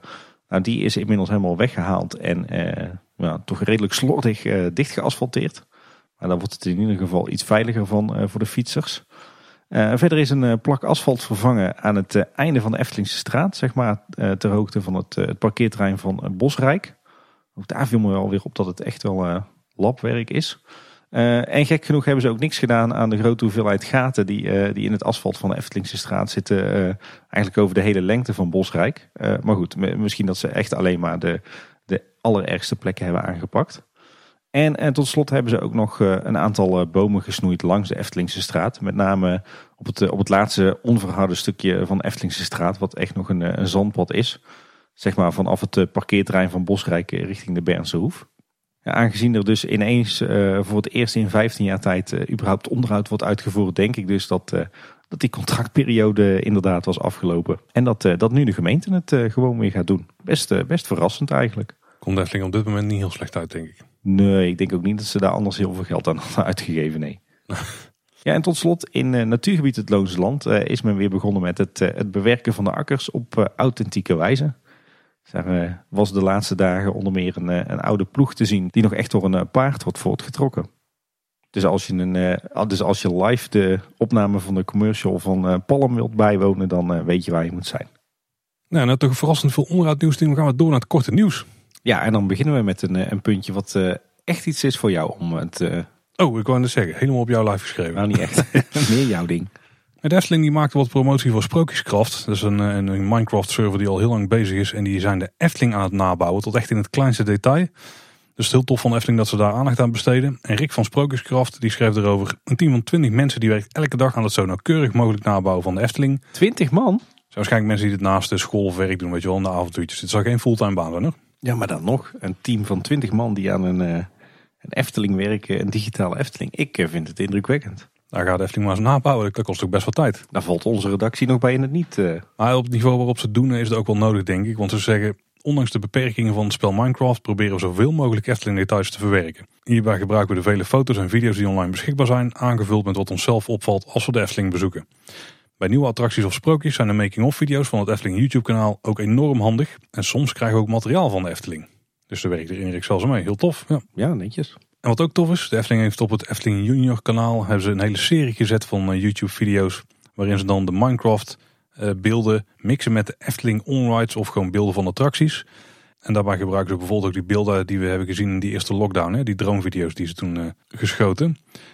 En als je nou denkt van, nou oké, ik wil wel een beetje een algemene indruk krijgen. Er is ook een soort van trailer gemaakt van alles. Dan komen er gewoon meerdere attracties en uh, plekken in het park langs. En dan zetten ze echt met een soort splitscreen naast elkaar hoe naadloos het eigenlijk bijna op elkaar aansluit. Dat is echt heel tof gedaan. Ook de belichting en zo, die uh, klopt heel erg goed met die beelden uit die video's. Ja, het is echt uh, indrukwekkend inderdaad hoe ze dat allemaal hebben, hebben nagebouwd. En heel tof dat, dat de Efteling hier dus ook volop de ruimte aan geeft nu op uh, notabene de eigen blog en het eigen YouTube kanaal. Dus als je een beetje wil weten wat er met digitaal Lego nog te maken is van een uh, Efteling. We hebben het al over veel Lego projecten gehad, maar dit is in principe gewoon een soort digitale Lego. Check dan zeker even dat YouTube kanaal. Ik uh, zou niet kunnen. Ik ben er nooit aan begonnen. Ik ben bang dat als ik aan Minecraft begin dat ik mezelf er helemaal in verlies. En dan kan ik niet hebben. Dan gaat het met de podcast niet goed, denk ik. nee, inderdaad. Daar hebben we onze handen al aan, uh, aan vol. ja, ander kort nieuws. de Efteling is begonnen met een, een nieuw horecaconcept. Ja, nieuw. Volgens mij hebben ze zelfs de naam gerecycled. Wel lekker duurzaam. ja, inderdaad. En uh, dat is uh, de betere keuze. En, en wat houdt dat nou in? Dat is altijd gevaarlijk met dit soort, dit soort termen. Maar, ze, maar de Efteling schrijft zelf op de blog. de betere keuze is een product dat op basis van voedingswaarde beter is dan vergelijkbare producten uit dezelfde categorie. Deze producten of gerechten krijgen vervolgens een label mee waarop staat waarom het een betere keuze is. Dit kan zijn omdat er minder suiker in zit of juist omdat het meer vezels bevat. Wel bekend is natuurlijk dat volkorenproducten vaak voedzamer zijn. Maar natuurlijk hebben we ook creatievere alternatieven. En we gaan de mogelijkheid bieden om te kiezen voor meer groenten in plaats van koolhydraten. Gegrilde groenten in plaats van rijst bijvoorbeeld. En eh, ze hebben zich daarbij laten inspireren door eh, de schijf van vijf. Wie kent hem niet? Uh, volgens mij uit grootmoederstijd al. En, en ze hebben dit ontwikkeld in overleg met het voedingscentrum. En ook met een panel van de Raad der Wijzen. Waar trouwens ook mijn Anne in, in zat in dit geval. De schijf van de vijf zintuigen. Dat zou ook nog wel een mooie variant voor de Efteling zijn. Ah, die is cool, ja. Maar zo werkt het niet echt. En uh, verder lezen we dat er voor iedere productgroep een, uh, op termijn een gezonder alternatief beschikbaar komt. En dan kunnen we denken aan een volkoren pannenkoek met vers fruit in plaats van stroop. En een groente wrap in plaats van brood. Dat betekent dus wel dat, dat je nog gewoon een broodje worst kunt krijgen in Efteling. Maar dan zal het zijn met een volkoren broodje en met een verse tomatensalsa in plaats van de gebruikelijke saus. En er werd ook al een uh, concreet gezond alternatief genoemd. Want bij de Meermin kunnen we bijvoorbeeld in de toekomst ook een pokeball halen. Kijk, helemaal hip. Eigenlijk wel een heel slim concept. Want het is natuurlijk gewoon niet per se de supergezonde keuze. Maar gewoon wel een betere keuze dan het standaard aanbod. Ik denk dat er wel een kleine twist is die toch wel gaat werken op zo'n dag een pretpark. Ja, ik, ik, ik, heb er een beetje een dubbel gevoel bij. En aan de ene kant is het natuurlijk toch een klein beetje volksverlakkerij. Hè? Want het zegt natuurlijk weinig. Alleen dat het een, een betere keuze is dan de rest van het aanbod bij dat betreffende horecapunt of in die, die categorie. Hè. Dus uh, in principe producten die dat label hebben, de betere keuze, kunnen ook nog steeds ongezond zijn tussen aanhalingstekens.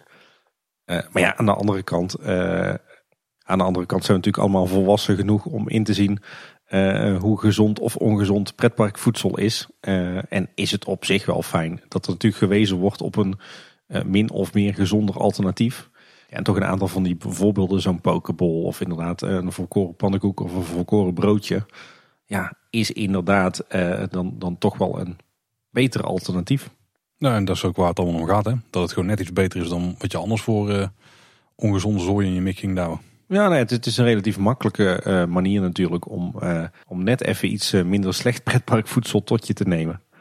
En dat is voor ons natuurlijk ook niet verkeerd, aangezien we normaal gesproken meerdere keren per week in de Efteling eten. Nou, dan kun je een van die dagen kun je net wat gezonder doen. Ja. Ik ben trouwens wel fan van pokeballs, maar ik vraag me wel af of dat dit kant-en-klare pokeballs van de groothandel gaan zijn, of dat die daar vers worden gemaakt. Ik heb wel een vermoeden. Ja, nou, zo'n pokeball bar dat zal echt een, een uitkomst zijn in de Efteling, denk ik. Oh. Ja, dat zou wel echt uh, geweldig zijn. Maar ik ben bang dat ze van de groothandel komen. Maar we gaan het zien. Misschien worden we wel uh, verrast inderdaad. En er is weer een prijs in de wacht gesleept. Het Efteling Contactcenter dat is uitgeroepen tot het Klantcontact Connect team van Nederland. Daar hadden we natuurlijk al het speciaal Instagram kanaal van getipt. Uh, die was tot afgelopen week nog te bezichtigen, maar die is inmiddels weer offline gehaald. En ook nog iemand waarvan het de moeite is om in het zonnetje te zetten. Volgens mij hebben we die ook al voor, zelfs in de vorige nieuwsaflevering aangehaald. Maar dat is Luc de Portier. Want inmiddels weten we namelijk dat hij afgelopen week 12,5 jaar in dienst was. Ja, en om dat eh, te vieren heeft uh, Eftel Wesley een hele ode aan Luc gemaakt op YouTube. En die zullen we even linken in de show notes. Ja, dan nog de verplichte Efteling Kids Radio update. Via DJ Arnoud weten we dat de laatste ochtendshow van Arnoud en Marjoni echt op 31 maart is. Ze waren natuurlijk graag doorgegaan, zegt hij zelf. Maar de Efteling heeft besloten om Efteling Kids Radio niet voor te zetten in de huidige vorm. Maar ze blijven niet stilzitten. Want ze zeggen, hou onze Instagram-accounts, dus die van Arnold en Majoni, in de gaten voor updates van wat er nog gaat gebeuren in de toekomst. Hoeft natuurlijk niet per se met de Efteling te maken te hebben, maar wie weet. Ja, ik vond het wel goed dat ze dus gewoon eh, wel mogen communiceren dat het uh, niet hun keuze is om uh, te stoppen met Efteling Kids Radio. Ja, en verder goed nieuws voor een van de, de oud-DJ's van Efteling Kids Radio. Want DJ Tessa, Tessa Mol, die werkte al parttime bij Kink. Uh, en die kan per 1 april daar 36 uur per week aan de slag. Dus die is onder de pannen. Nu nog een aantal andere DJ's. En verder, Paul, gaan we natuurlijk de komende dagen nog even genieten van, van de, de laatste zendtijd van Efteling Kids Radio. Hè? Oh, je maakt het wel heel dramatisch, Tim. Ja, voor ons thuis is dat ook wel lichtelijk dramatisch, ja. Nee, maar het is, niet, het is niet de laatste zendtijd van Efteling Kids Radio, hè? Oh, oh. Ja, nee, daarna gaan we naar een, een playlist zitten luisteren. Maar ja, die kan ik thuis in theorie zelf ook maken natuurlijk. Maar het is nog steeds Efteling Kids Radio. Ja, dat is waar. Ja, en waar we mogelijk ook de komende tijd van gaan genieten, Tim, maar ik weet het toch niet 100% zeker. Dat is toch de expositie van de familie Vos. Want uh, jij hebt de DVD gescoord. Ja. Ja, ja, en hij is binnen, hè? Ja, inderdaad. Het, uh, ik, ik, had hem al een tijd geleden besteld bij Bol, maar hij zou uh, officieel op 23 maart uitkomen. En toen lag hij hier ook bij mij op, op de mat. Een ouderwetse DVD. En ik heb hem inmiddels ook besteld. Ik heb hem dan digitaal besteld via iTunes. Maar we hebben hem beide niet bekeken. Dus de volgende nieuwsaflevering dan gaan we er uitgebreid op in. En wat overigens wel opvallend was, dus misschien een beetje anti-merchandise nieuws. Maar er was geen Blu-ray van. Dus als je hem in HD wil kijken, dan zal je toch echt een ander... Ja, dan zijn we echt moeten streamen of, eh, of, of huren. Ja. ja, en ook wel opvallend dat hij dus niet eh, door de Efteling verkocht wordt. Ook niet in de webshop, maar dat je hem uh, ja, echt op bol.com moet kopen. Ik denk dat het niet zo heel vreemd is, want verder heeft de Efteling qua distributeur helemaal niks mee te maken. De Efteling was alleen het decor en ik denk dat ze daar wel aardige afspraken over hebben gemaakt. Maar ik denk dat iedere DVD die meer verkocht wordt, dat de Efteling daar geen cent van ziet. Ja, daar heb je wel een goed punt. Dat zou inderdaad eh, zomaar eens het geval kunnen zijn, ja. Buiten, als ze, dat is wel als ze zelf zouden verkopen, dan had je in ieder geval nog een euro van de verkoopprijzen af kunnen snoepen. Gewoon aan marge. Ja, maar dat is dus niet het geval. Nee, nee, nee, nee. Ja, en als we dan toch met, uh, met merchandise en licensing uh, bezig zijn... Er is nog meer Eftelingse merchandise waar de Efteling niet per se heel veel verdient. Hè? We hebben denk ik over de Leviel miniaturen van Eftelingen. Ja, die van 2021 zijn nu officieel bekend. En deze kunnen we wel via de webshop van Efteling bestellen. We zullen het linkje weer delen in de show notes. Want er is ook gewoon één pagina gemaakt waar alles op staat. Uh, de Anton Pieckmolen kun je nu krijgen draaiend en met muziek voor 150 euro. Hoppa. Dat is uh, denk ik wel het topstuk uit de collectie. Ja. Dan een wonderwachter met licht voor 1750. Het sprookjesboek uit de Marskramer, wat daar dus binnen staat voor 35 euro. Dan wel de kleine variant uiteraard. Uh, waterpomp Drinkenbroer voor 7,50. Het priel van de Sprookjesprokkelaar voor 50 euro. Ook een best prijzige. Ja. Hollebolle Gijs. Pratend en wel. Kun je er ook propjes papier in gooien? Uh, uh, dat kan denk ik wel, maar daar krijg je, die worden niet opgezogen en je krijgt er geen dankwoord van. Ah, er was des nog wel een gat in de markt. Ha, letterlijk. voor 12,50.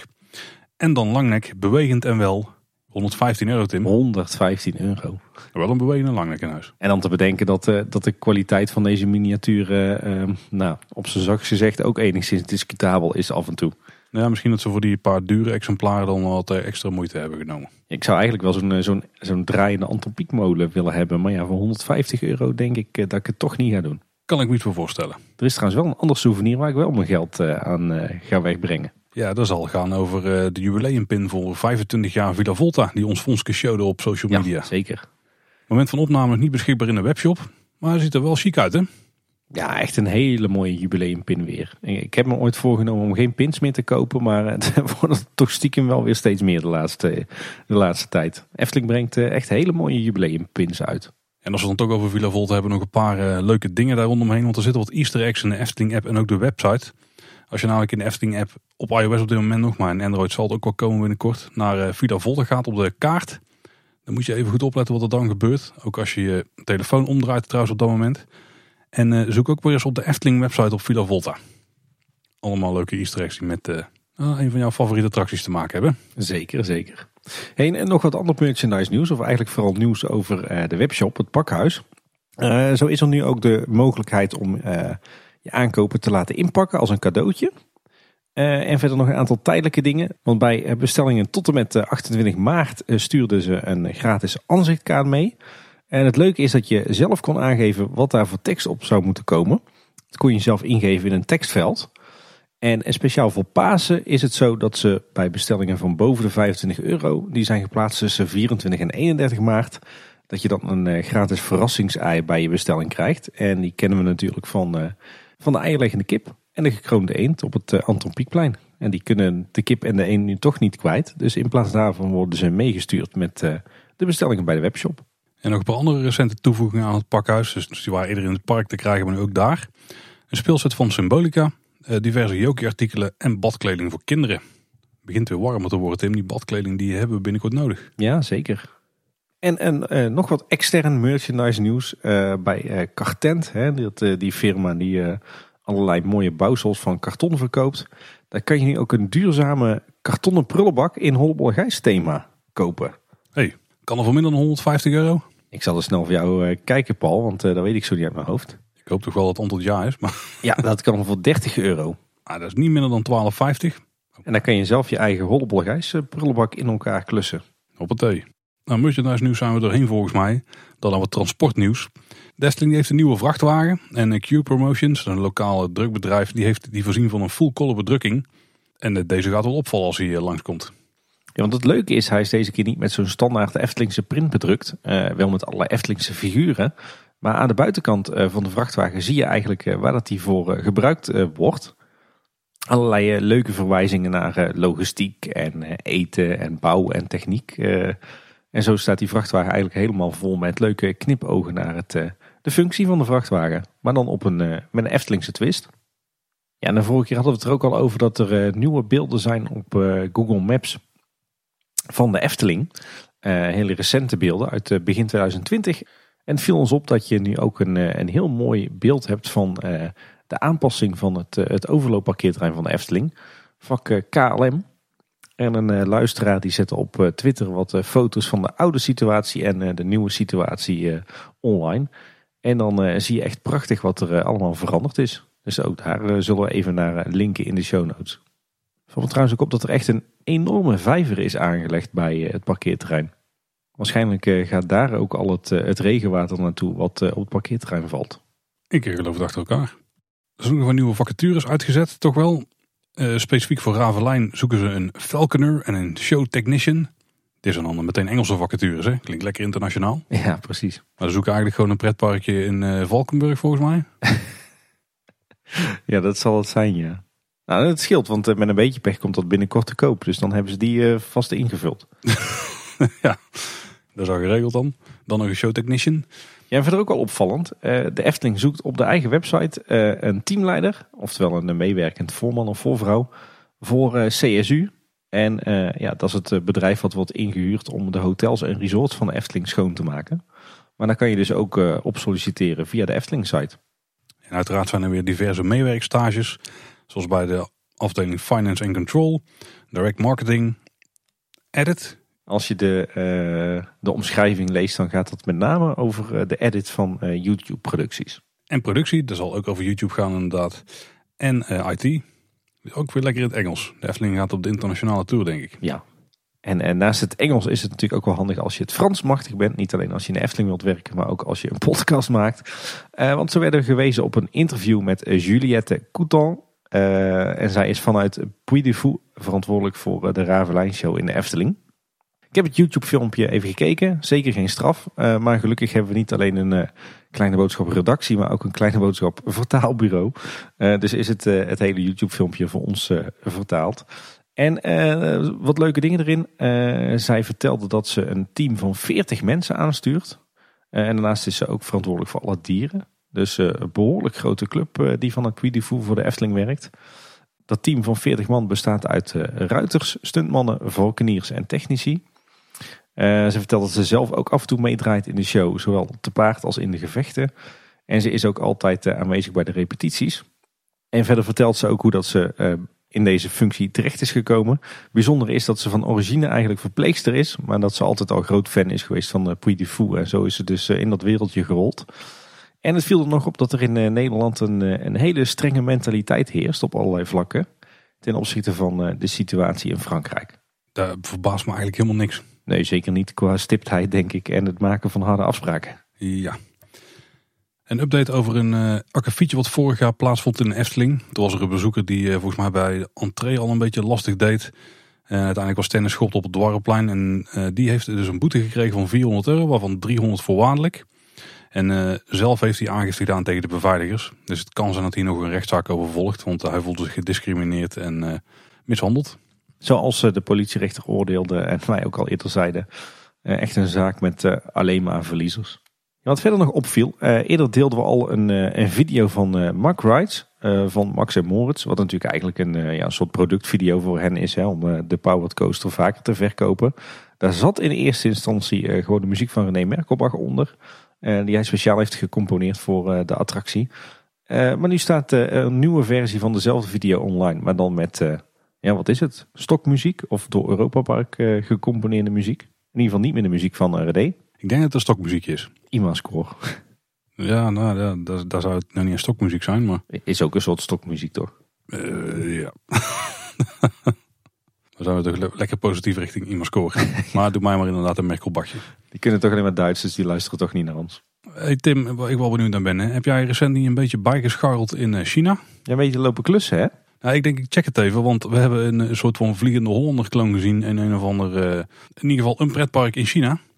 Ik, uh, Jinan Sunak, denk ik. Ik denk niet dat hij zo uitspreekt in het Chinees, maar mijn uh, Chinees is niet helemaal, meer, helemaal meer op niveau.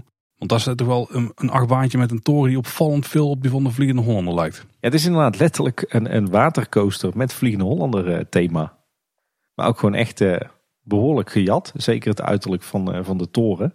Verder lijkt het weinig op, op de Vliegende Hollander. Alhoewel, er staat volgens mij ook een een gevelrijtje met een beetje een maritieme uitstraling. Het is, het is heel bizar. Het is echt een beetje de, ja, ik hoorde al iemand zeggen de AliExpress versie van de Vliegende Hollander in de Efteling. Zeker die, de, de grote toren, dat is gewoon twee druppels water. De toren van de Vliegende Hollander in de Efteling. Ja, zeker. Ja. Ja, je moet, echt, je, moet, je moet de foto echt gaan bekijken. Hij staat eh, op eh, het Twitter-account van Team Loopings. Maar we zullen hem ook wel even linken in de show notes. Maar het is redelijk bizar. Ze kunnen er wel van in China. Wel een vette watercoaster volgens mij. Ja, en dan nog een Twitter tip. Volgens mij hebben die ook al eerder aangehaald, maar die kunnen we gewoon nog wel een keer uh, aanhalen. Want de stamtafel is een heel tof account wat oude video's doorspit en daar uh, screenshots uithaalt. En die dan voorziet van commentaar over wat er te zien is. En die hebben weer een aantal, uh, tot nu toe in ieder geval drie reeksen geplaatst over een aantal YouTube filmpjes uit de vervlogen tijden. Met name begin jaren 90 op dit moment. Ik vermoed dat er nog wel meer komen, tenminste de hinten ze zelf wel na. En er zijn eh, veel toffe dingen te zien hè, die eh, inmiddels niet meer in het park te zien zijn. Ja, dit was echt voor mij echt een uh, feest der herkenning. Inderdaad, allemaal foto's uit begin jaren 90. Ook een beetje de, de beginjaren van mijn Efteling liefhebberij. Waarin ik ook al iedere week in het park rondliep. Dus het was heel tof om weer eens terug te gaan naar die tijden. Schitterende foto's van Ingang West. Van een droomvlucht die net geopend was. Van een een, uh, een uh, splinternieuw lavelaar. Uh, ook hele toffe beelden van de oude smulpaap en het, het speeltuinplein met de zweefmolens en de draaimolens. Het waterorgel kwam natuurlijk voorbij. Ook oude beelden uit het Sprookjesbos uit die tijd. Maar ook bijvoorbeeld van de Fata Morgana met, met, met, met een meandering die nog niet overdekt was. Het, het oude station Zuid van de stoomtrein. Natuurlijk de Bob. Piranha zonder, uh, zonder podium. Uh, de Kano-vijver kwam voorbij. De Pegasus. De radiografisch bestuurbare bootjes kwamen voorbij. Uh, het oude station Oost. de Vondelplas natuurlijk zonder Aquanura. maar ook bijvoorbeeld het rariteitenkabinet hè, in, de, in de gang daar bij het diorama. Ter gelegenheid van 40 jaar Efteling. Maar ook bijvoorbeeld het Carnaval Festival met de oude gevel en de oude Jokie. Uh, Monsieur Cannibal nog zonder dak. Het, het podium van de Siervijver. Het, het circusveld in actie. De oude Likkebaard een heleboel paden en pleinen die we nu niet meer kenden. Ja, het was echt gewoon op en top genieten, die, die fotoreeksen. Ja, zeker als je gewoon lekker midden op de dag een keer wat uh, nostalgische Efteling-beelden wil zien, volg dan zeker de account op Twitter. En ons favoriete prieltje kwam ook weer voorbij, hè Paul? Oeh, ja, ja, ja. ja. Ja toch joh, als je dan van die screenshots ziet van die padenstructuur dan, dan ben je toch wel even op die plekken. Dan komen die herinneringen wel weer boven echt vergeten dat het er zo ooit zo uitzag. Ik zag ook het, eh, het korfje op zijn oude plek. Tussen, volgens mij aan het pad tussen Spookslot en, eh, en het diorama.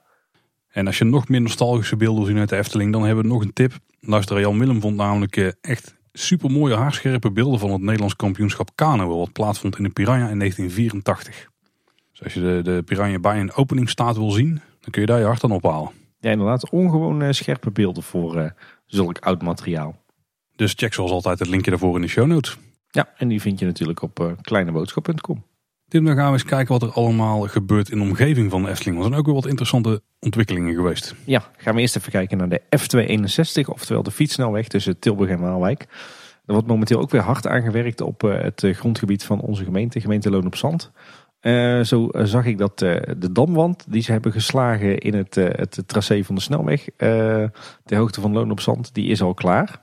En het viel me ook op, eh, de vorige keer hadden we het daar al over, dat er eh, een flinke rij eh, oude bomen gekapt is van natuurgebied het Loonse Land om ruimte te maken voor die fietssnelweg. Maar ze hebben inmiddels ter hoogte van het Loonse Land natuurgebied hebben ze het toekomstige tracé van de fietssnelweg uitgezet. En het viel me op dat, dat ze eigenlijk alleen een stukje van de berm erbij pakken bij het fietspad. Dus ik vraag me echt af waarom in vredesnaam al die bomen nou om moesten. Ja, misschien omdat het dan makkelijker werken was en omdat ze dan een slootje konden verleggen. Maar ik vind het echt, uh, blijf het doodzonde vinden dat, uh, dat al die bomen hebben moeten wijken. Ja, en dan die verkiezing van de wandelgemeente van het jaar, waar we de vorige nieuwsaflevering over hadden. Die is dus uiteindelijk gewonnen door onze gemeente, Tim. Loon op Zand is de wandelgemeente van het jaar. Ja, inderdaad. Met name dankzij het eh, stuifzand in de Loonsendrunische Duinen, las ik wel. Terwijl het toch echt echt niet te lopen valt. Maar goed, uh, misschien is het uh, aangehaald door mensen die daar niet veel doorheen hebben gewandeld. De gemeente Loon op Zand was zowel favoriet bij de vakjury als bij het publiek. Ja, en het heeft volgens mij redelijk lang voorgestaan in die verkiezingen. Dus goed bezig gemeente. Ja, inderdaad. En maar, wat wel jammer is dat het een van de mooiste plekken om te wandelen op dit moment dan dicht is. Maar daar hebben we het al lang genoeg over gehad. Hè? Ja, precies. Daar hebben we het wel vaker over in deze podcast. Nou, wel, je kunt wel de action in trouwens tegenwoordig. Alleen met afspraak. Goed. Hey, er is wel trouwens wat reuring in onze gemeente. Uh, want bureau Berenschot heeft onderzoek gedaan naar uh, de toekomst van onze gemeente. en daarbij hebben ze vier scenario's uitgewerkt. de huidige situatie. het omvormen naar een zogeheten regie- of netwerkgemeente. Een ambtelijke fusie of zelfs een bestuurlijke fusie. En de reden daarvan is dat momenteel de werkdruk bij onze gemeente heel hoog is. daardoor een zorgelijk ziekteverzuim en ook de financiële situatie van de gemeente is uh, nog steeds zorgelijk. En uiteindelijk zal de gemeenteraad moeten gaan kiezen wat nou de toekomst van de gemeente Loon op Zand is. De gemeente die heeft een voorkeur voor de regie- of netwerkgemeente. Snap ik wel, want dan blijft alles bij het oude. Blijf je zelfstandig, maar doe je meer in samenwerking met de grotere gemeentes en, en particuliere bedrijven en instellingen. Verder viel op dat de inwoners van het dorpje Loon op Zand zich het meest thuis voelen bij Tilburg als er sprake zou gaan zijn van een, een bestuurlijke fusie. Dus als de gemeenteloonstand verdwijnt. En de inwoners van Kaatsheuvel voelen zich meer thuis bij Waalwijk. En ik heb het, het rapport zitten doorspitten van Berenschot. Weer lekker veel ambtelijke taal. en het, de Efteling komt daar behoorlijk vaak in voor. Ja, zo wordt er gezegd dat ook de zich uitbreidende Efteling vraagt continu aandacht. Het Efteling-dossier vraagt veel van de gemeente. En daarbij is er vooral aandacht nodig voor de infrastructuur en de bereikbaarheid van de Efteling en de leefbaarheid in de omgeving ervan. Verder schrijven ze ook nog dat de financiën van de gemeente veel te veel afhankelijk zijn van de belastinginkomsten vanuit de Efteling. Eh, inwoners eh, die eh, noemen zelf de in hun ogen te grote invloed van de Efteling eh, als een bedreiging voor de gemeente. Dus ja, het wordt eh, even spannend wat, eh, wat de toekomst van, eh, van onze gemeente wordt. En eh, wat daar dan ook weer vervolgens het gevolg voor is voor de Efteling. Ja, dan gaan we eh, redelijk richting het eind van de aflevering. Maar eerst, en dan nog dit. Ja, Paul, lucht je hart. Wat wil jij nog met ons eh, delen? Ja, er is natuurlijk maar één ding waar ik het over kan hebben op dit moment. Ik zit er helemaal in. En dat is namelijk dat de Belgische versie van Wie is de Mol is begonnen. Eigenlijk het origineel. De Mol. Die zijn een aantal jaar geleden gereboot. En volgens mij heb ik eh, niet onder stoel of banken gestoken hoe, eh, hoe een groot fan ik ben van dat programma. Dat, dat app je mij ongeveer iedere dag momenteel. Nou, ik heb allerlei snode plannen uitstaan om jou maar aan dat programma te krijgen. Maar je wil er op dit moment niet aan geloven. Je weet niet wat je mist in. Dus ik ga gewoon ook hier weer eh, een van mijn plannen uitvoeren. En proberen jou te overtuigen om die eh, serie toch eens te gaan kijken. Ik, ik begreep dat die momenteel überhaupt niet te, kijken valt vanuit Nederland, toch? Jawel, jawel, jawel. Want ze hebben er speciaal voor eh, de Nederlandse kijker hebben ze op de website het mooi ingericht zo. Dat Ah, iedere zondagavond om half tien op de website van, oeh, volgens mij moet je naar goplay.b of zo gaan. Of gewoon 4.b, dat is de oude naam van de zender. Dan kun je vanaf half tien kun je gewoon iedere zondagavond de nieuwe aflevering meteen kijken. Wat wij er dan bij doen is die gewoon op, de, op je telefoon gewoon opzoeken. En dan streamen naar je tv via een eh, Apple TV of via een Chromecast of zo. Dat werkt prima. En de kwaliteit is dan ook nog best goed. En eh, ja, even nog een, wat lofuiting over de mol. Ik heb, niet heel veel recht van spreken, want ik kijk vrij weinig eh, tv, lineair zeg maar. Maar hier maak ik toch echt wel een uitzondering voor, want dit is van alles wat ik heb gezien qua, ja, laat het reality tv-programma's noemen. Is dit veruit het beste wat denk ik op tv te krijgen is en mogelijk ooit was. Ja, dat is een uitspraak die durf ik wel hard te maken. In ieder geval voor mij persoonlijk. Want dit is echt een, een, een tv-programma. Ja, je kunt het een beetje vergelijken met de Nederlandse Wie is de Mol. Dus als je die kent, dan ga je dit ook zeker heel tof vinden. Het wordt alleen net allemaal iets anders gepresenteerd. En het, lijkt allemaal net wat diepgaander te zijn dan dat de Nederlandse Wie de Mol is.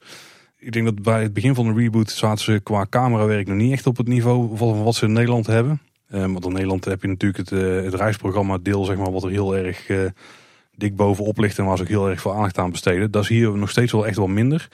Want hier, staan de beelden veel meer in dienst van het verhaal wat ze proberen te vertellen. Van de sfeer die er heerst op het moment van opdrachten, van de, eh, de stemming die heerst in de groep. Ehm, ja, een beetje van waar ze heen gaan, zeg maar. Hè. Er, zitten- er zitten met hele originele camera hoek ook. Ze maken sinds vorig jaar gebruik, of het jaar daarvoor, volgens mij vorig jaar voor het eerst, van, eh, van die eh, FPV-drones, van die race drones, waar je hele toffe cabriolen mee kunt uithalen. En het is nergens als het echt in je strot douwen. Maar af en toe dan zitten de shots in en dan denk je van... Hè, hoe hebben ze dat nou gedaan? Vorig jaar was er eentje waarbij mensen naar een bruiloft gingen. Die stapten uit uit een auto. De camera vloog door de auto heen. De mensen die liepen inmiddels door, zeg maar. En de camera ging weer naar beneden op de plek waar ze dan bij de bruiloft aankwamen. Wauw. Dat soort zaken. Echt, dat is super vet in elkaar. Ja. En dat soort zaken zitten er gewoon een beetje zo, ja, bijna eh, casual in, zeg maar. Echt heel tof.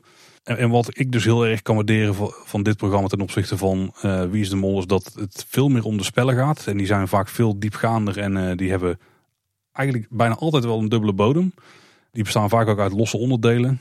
eh, die op zichzelf misschien vrij simpel ogen. Bijvoorbeeld van mensen in een koekoeksklokwinkel die daar uit de openklappende deurtjes ja, wat, wat dingen moeten proberen te achterhalen.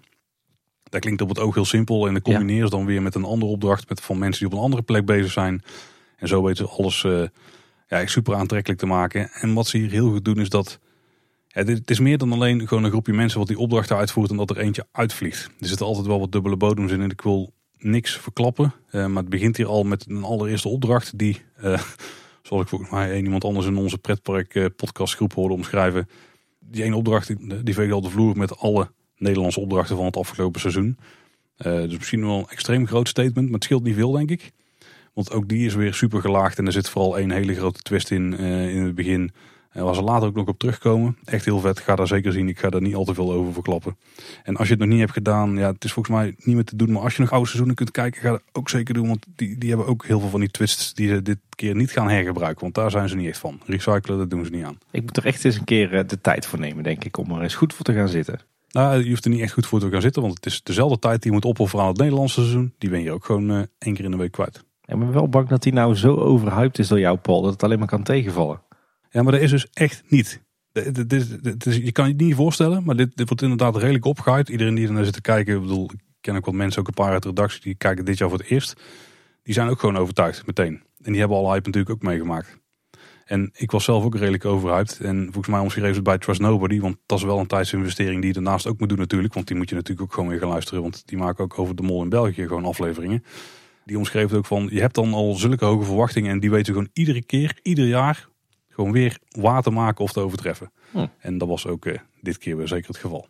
Nou, als zij het al zeggen, dat, eh, dat wil wel wat zeggen. Ja, ik, nogmaals, ik kan het iedereen aanraden, maar met name jou Tim. ja, investeer er een keer een uur en een kwartier aan. Volgens mij duurt het zo lang een aflevering ongeveer. Als je daar nooit meer kijkt, prima. Dan ben je er in ieder geval aan begonnen. Ik heb zo'n vermoeden dat het niet bij één aflevering blijft. Ik, ik moet dat echt gaan doen. Heb jij trouwens ook naar de Verraders gekeken? Weet je, de commerciële versie van Wie is de Mol? Ja, is er niet een soort uh, weerwolf van Wakkerdam uh, op tv? Ja, maar het heeft ook al heel veel weg van Wie is de Mol. Nou ja, ik heb het niet gekeken, maar uh, nee. Houden we zo. Dus ja, ik hoor er ook vrij weinig goede dingen over. Het is, het is precies wat je je voorstelt bij een commerciële versie van Wie is de Mol. Heel veel BN'ers en de meeste tijd gaat het op aan korte shotjes met BN'ers die zeggen... Oh, dit is spannend. Oh, dit ziet er mooi uit. Oh, ik ben wel heel benieuwd wat er nu gaat komen. Ja, ik vind het echt spannend. Ja, de sfeer in de groep is echt wel gespannen. Ja, ja, wat spannend. dat is een beetje het hele programma, zeg maar. Dat is wel grappig dat je het zegt, want De Mol is dus een uh, productie van... Uh, volgens mij Boestijnvis of iets in die Boestijnvis, ja. ja. ja.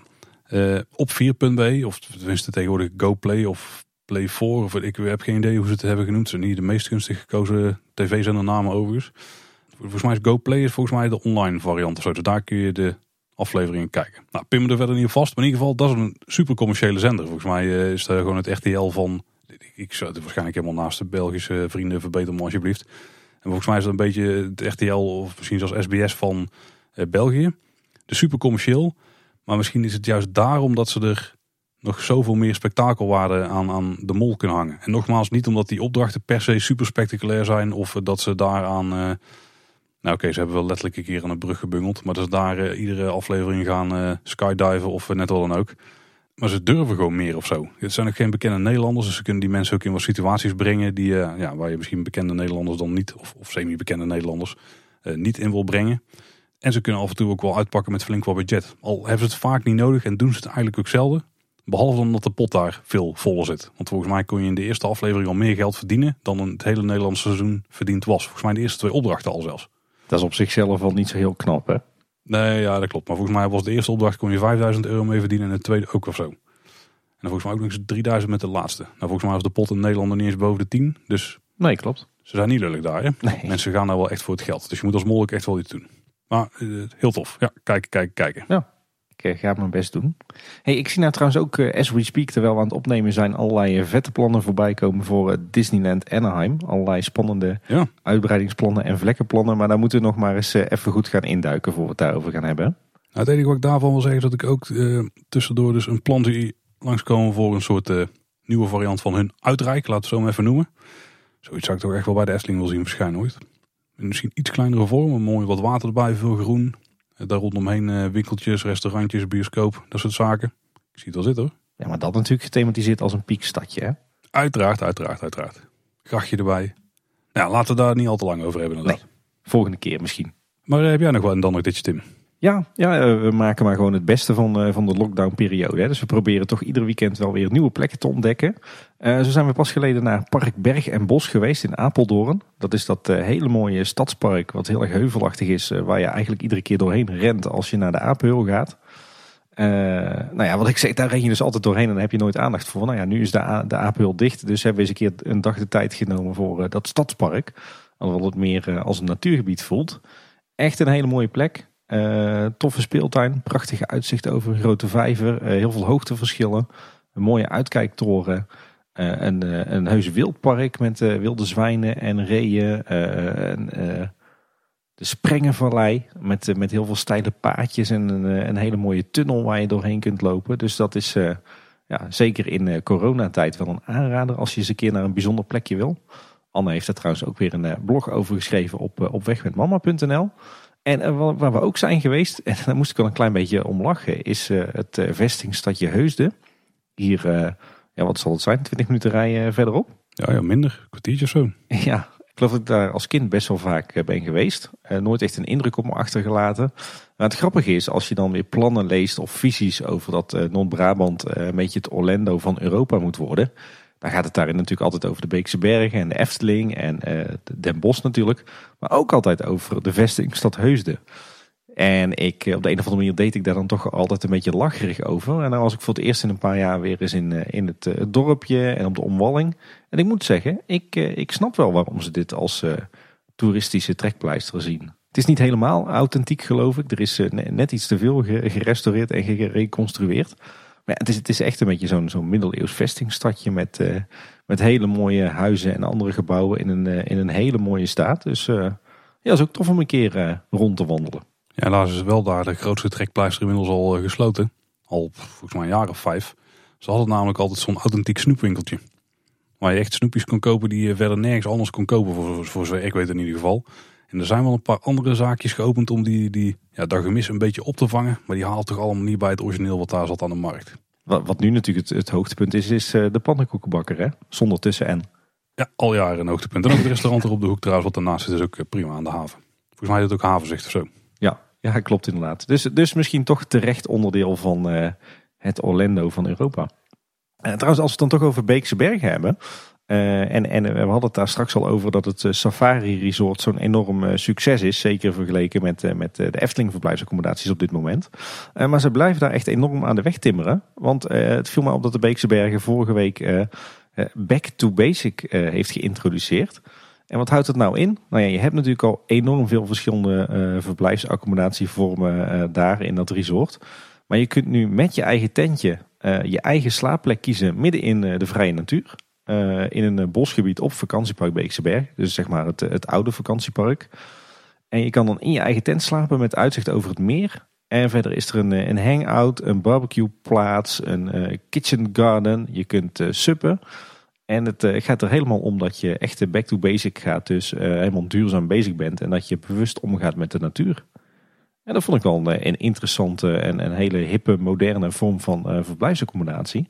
En marketingtechnisch pakken ze dat ook echt enorm slim aan. Dus ik was best wel onder de indruk van ja, toch weer de zoveelste ontwikkeling op dit vlak bij de Beekse Bergen. Sup is wel echt inderdaad back to basics. Dat deed vroeger iedereen. Het is eigenlijk gewoon een, een kano zonder diepgang. ja. En uh, wat trouwens ook wel heel, heel tof uh, is, de vorige keer hadden we het daar ook al een klein beetje over, het is dat ze ondertussen, ondanks de hele coronacrisis, ook uh, volle bak aan het klussen zijn aan de wandelsafari hè, op het safaripark Beekse Bergen. Ongeveer een kwart van het park wordt daar in één keer op de schop genomen. En wat leuk is, is dat ze daar ook nu een hele making-of serie aan wijden. ze hebben nu drie afleveringen en met name die, derde aflevering is heel tof. Uh, daarin gaan ze het in gesprek met Rick Merks, de, de nieuwe ontwerper van Libema en van de Beekse Bergen. En die vertelt dan enthousiast over zijn, zijn plannen en tekeningen voor dat deel van de wandelsafari. Heel tof. En vooral omdat ik dus achter iets leuks kwam. Ik, ik weet dat ik jaren geleden een keer de bussafari heb gedaan in de Beekse Bergen. Dat deden we eigenlijk zelden, want uh, normaal gesproken gaan we altijd, uh, doen we meestal de wandelsafari en de autosafari. Uh, maar we waren toen met familie en toen hadden wij een buschauffeur en die vertelde dan ook een verhaal. En dat was een jong gastje en die was echt extreem sarcastisch, had echt verschrikkelijk droge humor. bijna op het cynische af af en toe. En ik heb het toen echt de hele rit kapot gelachen. terwijl mijn familie echt zoiets had van, waar zijn we nou toch in balans? en wat blijkt? dat jochie, uh, wat ik nooit ben vergeten, is nu dus de ontwerper van de Beekse Bergen. Oh. Grappig hè? ja. Hoe heb je dat nog herinnerd je? Ja, dat heeft blijkbaar indruk gemaakt dan, denk ik. Oh, cool. Ja.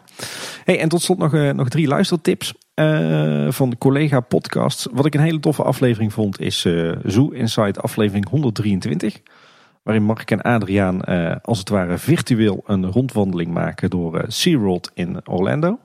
Ik denk nog niet dat ik eerder uh, zoveel te weten ben gekomen over, uh, over dat park. Dus dat is uh, heel tof. Ik vond ook aflevering 4 van de Team Park Science podcast heel tof. Daarin brengen ze een bezoek aan This is Holland, de vliegsimulator in Amsterdam. En met name het interview met Dennis Bots is heel cool. Omdat Dennis Bots natuurlijk ook op heel veel verschillende manieren bij de Efteling betrokken is geweest als filmmaker. En tot slot, ja, het heeft helemaal niks met de pretparkwereld te maken, maar wel met bevriende podcastmakers. Uh, namelijk Ready for Takeoff, de podcast over de luchtvaart en luchtvaartonderwijs. Met onder meer Mark Dekkers. die eh, jullie kennen van eh, in ieder geval aflevering 199 van Kleine Boodschap. Eh, in hun aflevering 70, die is net uitgekomen, hebben ze een interview met uh, Cor ten Hoven. En overlevende van de, de vliegramp in Faro in 1992. En ik moet zeggen, dat is wel een hele indrukwekkende, aangrijpende aflevering. Dus als je eens een keer iets heel anders wilt horen en je bent niet erg angstig aangelegd qua vliegen, dan kan ik die ook zeker aanraden. Ja, dan zijn we weer aangekomen bij het einde van de aflevering. We hebben dit keer toch weer een, een reactie of eigenlijk een vraag van een luisteraar. En we willen een beetje een beroep doen op het collectief geheugen van onze luisteraars. We kregen namelijk het volgende bericht van Luc. Beste Paul en Tim, vraagje. Nu Villa Volta 25 jaar bestaat, dacht ik terug aan de openingsavond van die attractie. Ik werkte toen bij het Land van Nooit en wij verzorgden als bokkenrijders de openingsact. Met paarden al naar Kaatsheuvel. Het Efteling Archief heeft echter niks meer over de opening van Villa Volta. Zouden jullie, of misschien jullie volgers, nog iets van bewaard hebben? Een foto, een krantartikel? Alvast bedankt voor het meedenken. Groet van Luc. Ja, welke Luc zou dit toch zijn, hè? Ja, wie zou het toch zijn? Ja. We kunnen Luc in ieder geval verwelkomen in deze aflevering. Ja, inderdaad. Maar ik ben ook wel heel benieuwd. Zijn er nog mensen met iets van materiaal daarover? Misschien zelfs wel videobeelden. Zou heel tof zijn. Ik eh, zou ze graag gedeeld zien worden. Ja, inderdaad. Ik ook. Ik kan zo snel zo 1, 2, 3 niks vinden in mijn verzameling. Er zal heus wel een krantenartikel uh, uh, van te vinden zijn. Maar uh, ja, ik kan het zo even niet, niet oplepelen. Dus ja, wat dat betreft doe ik ook echt een beroep op onze luisteraars om Luc te helpen. Heb je nou zelf een vraag net als Luc? Dan kun je die bijvoorbeeld stellen aan ons via Twitter. Daar zijn we @boodschap. En op Facebook en Instagram zijn we Kleine Boodschap. We hebben natuurlijk ook een website kleineboodschap.com. Daar vind je natuurlijk de show notes van alle afleveringen. En dan kun je de aflevering ook luisteren. Maar ook daar vind je een contactformuliertje. En eh, daarmee kun je ook contact met ons opnemen. Ja, en je kan natuurlijk ook gewoon een mailtje sturen naar info.kleineboodschap.com. En mocht je nou luisteren in een podcast app, abonneer je dan zeker. Dan staat er iedere maandag weer een eh, nieuwe aflevering van ons klaar in jouw podcast app. En als je er een reviewtje kunt achterlaten, en zeker als je luistert met Apple Podcast, dan kunnen we het heel erg waarderen als je een rating aan ons uitdeelt of een reviewtje schrijft. Ja, en verder kan je ons natuurlijk ook gewoon luisteren via Spotify of op de website.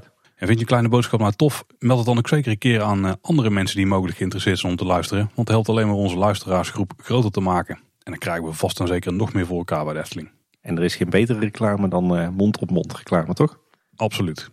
Dat was in ieder geval weer voor deze week. Bedankt voor het luisteren. Tot de volgende keer. En houdoe. Houdoe waar.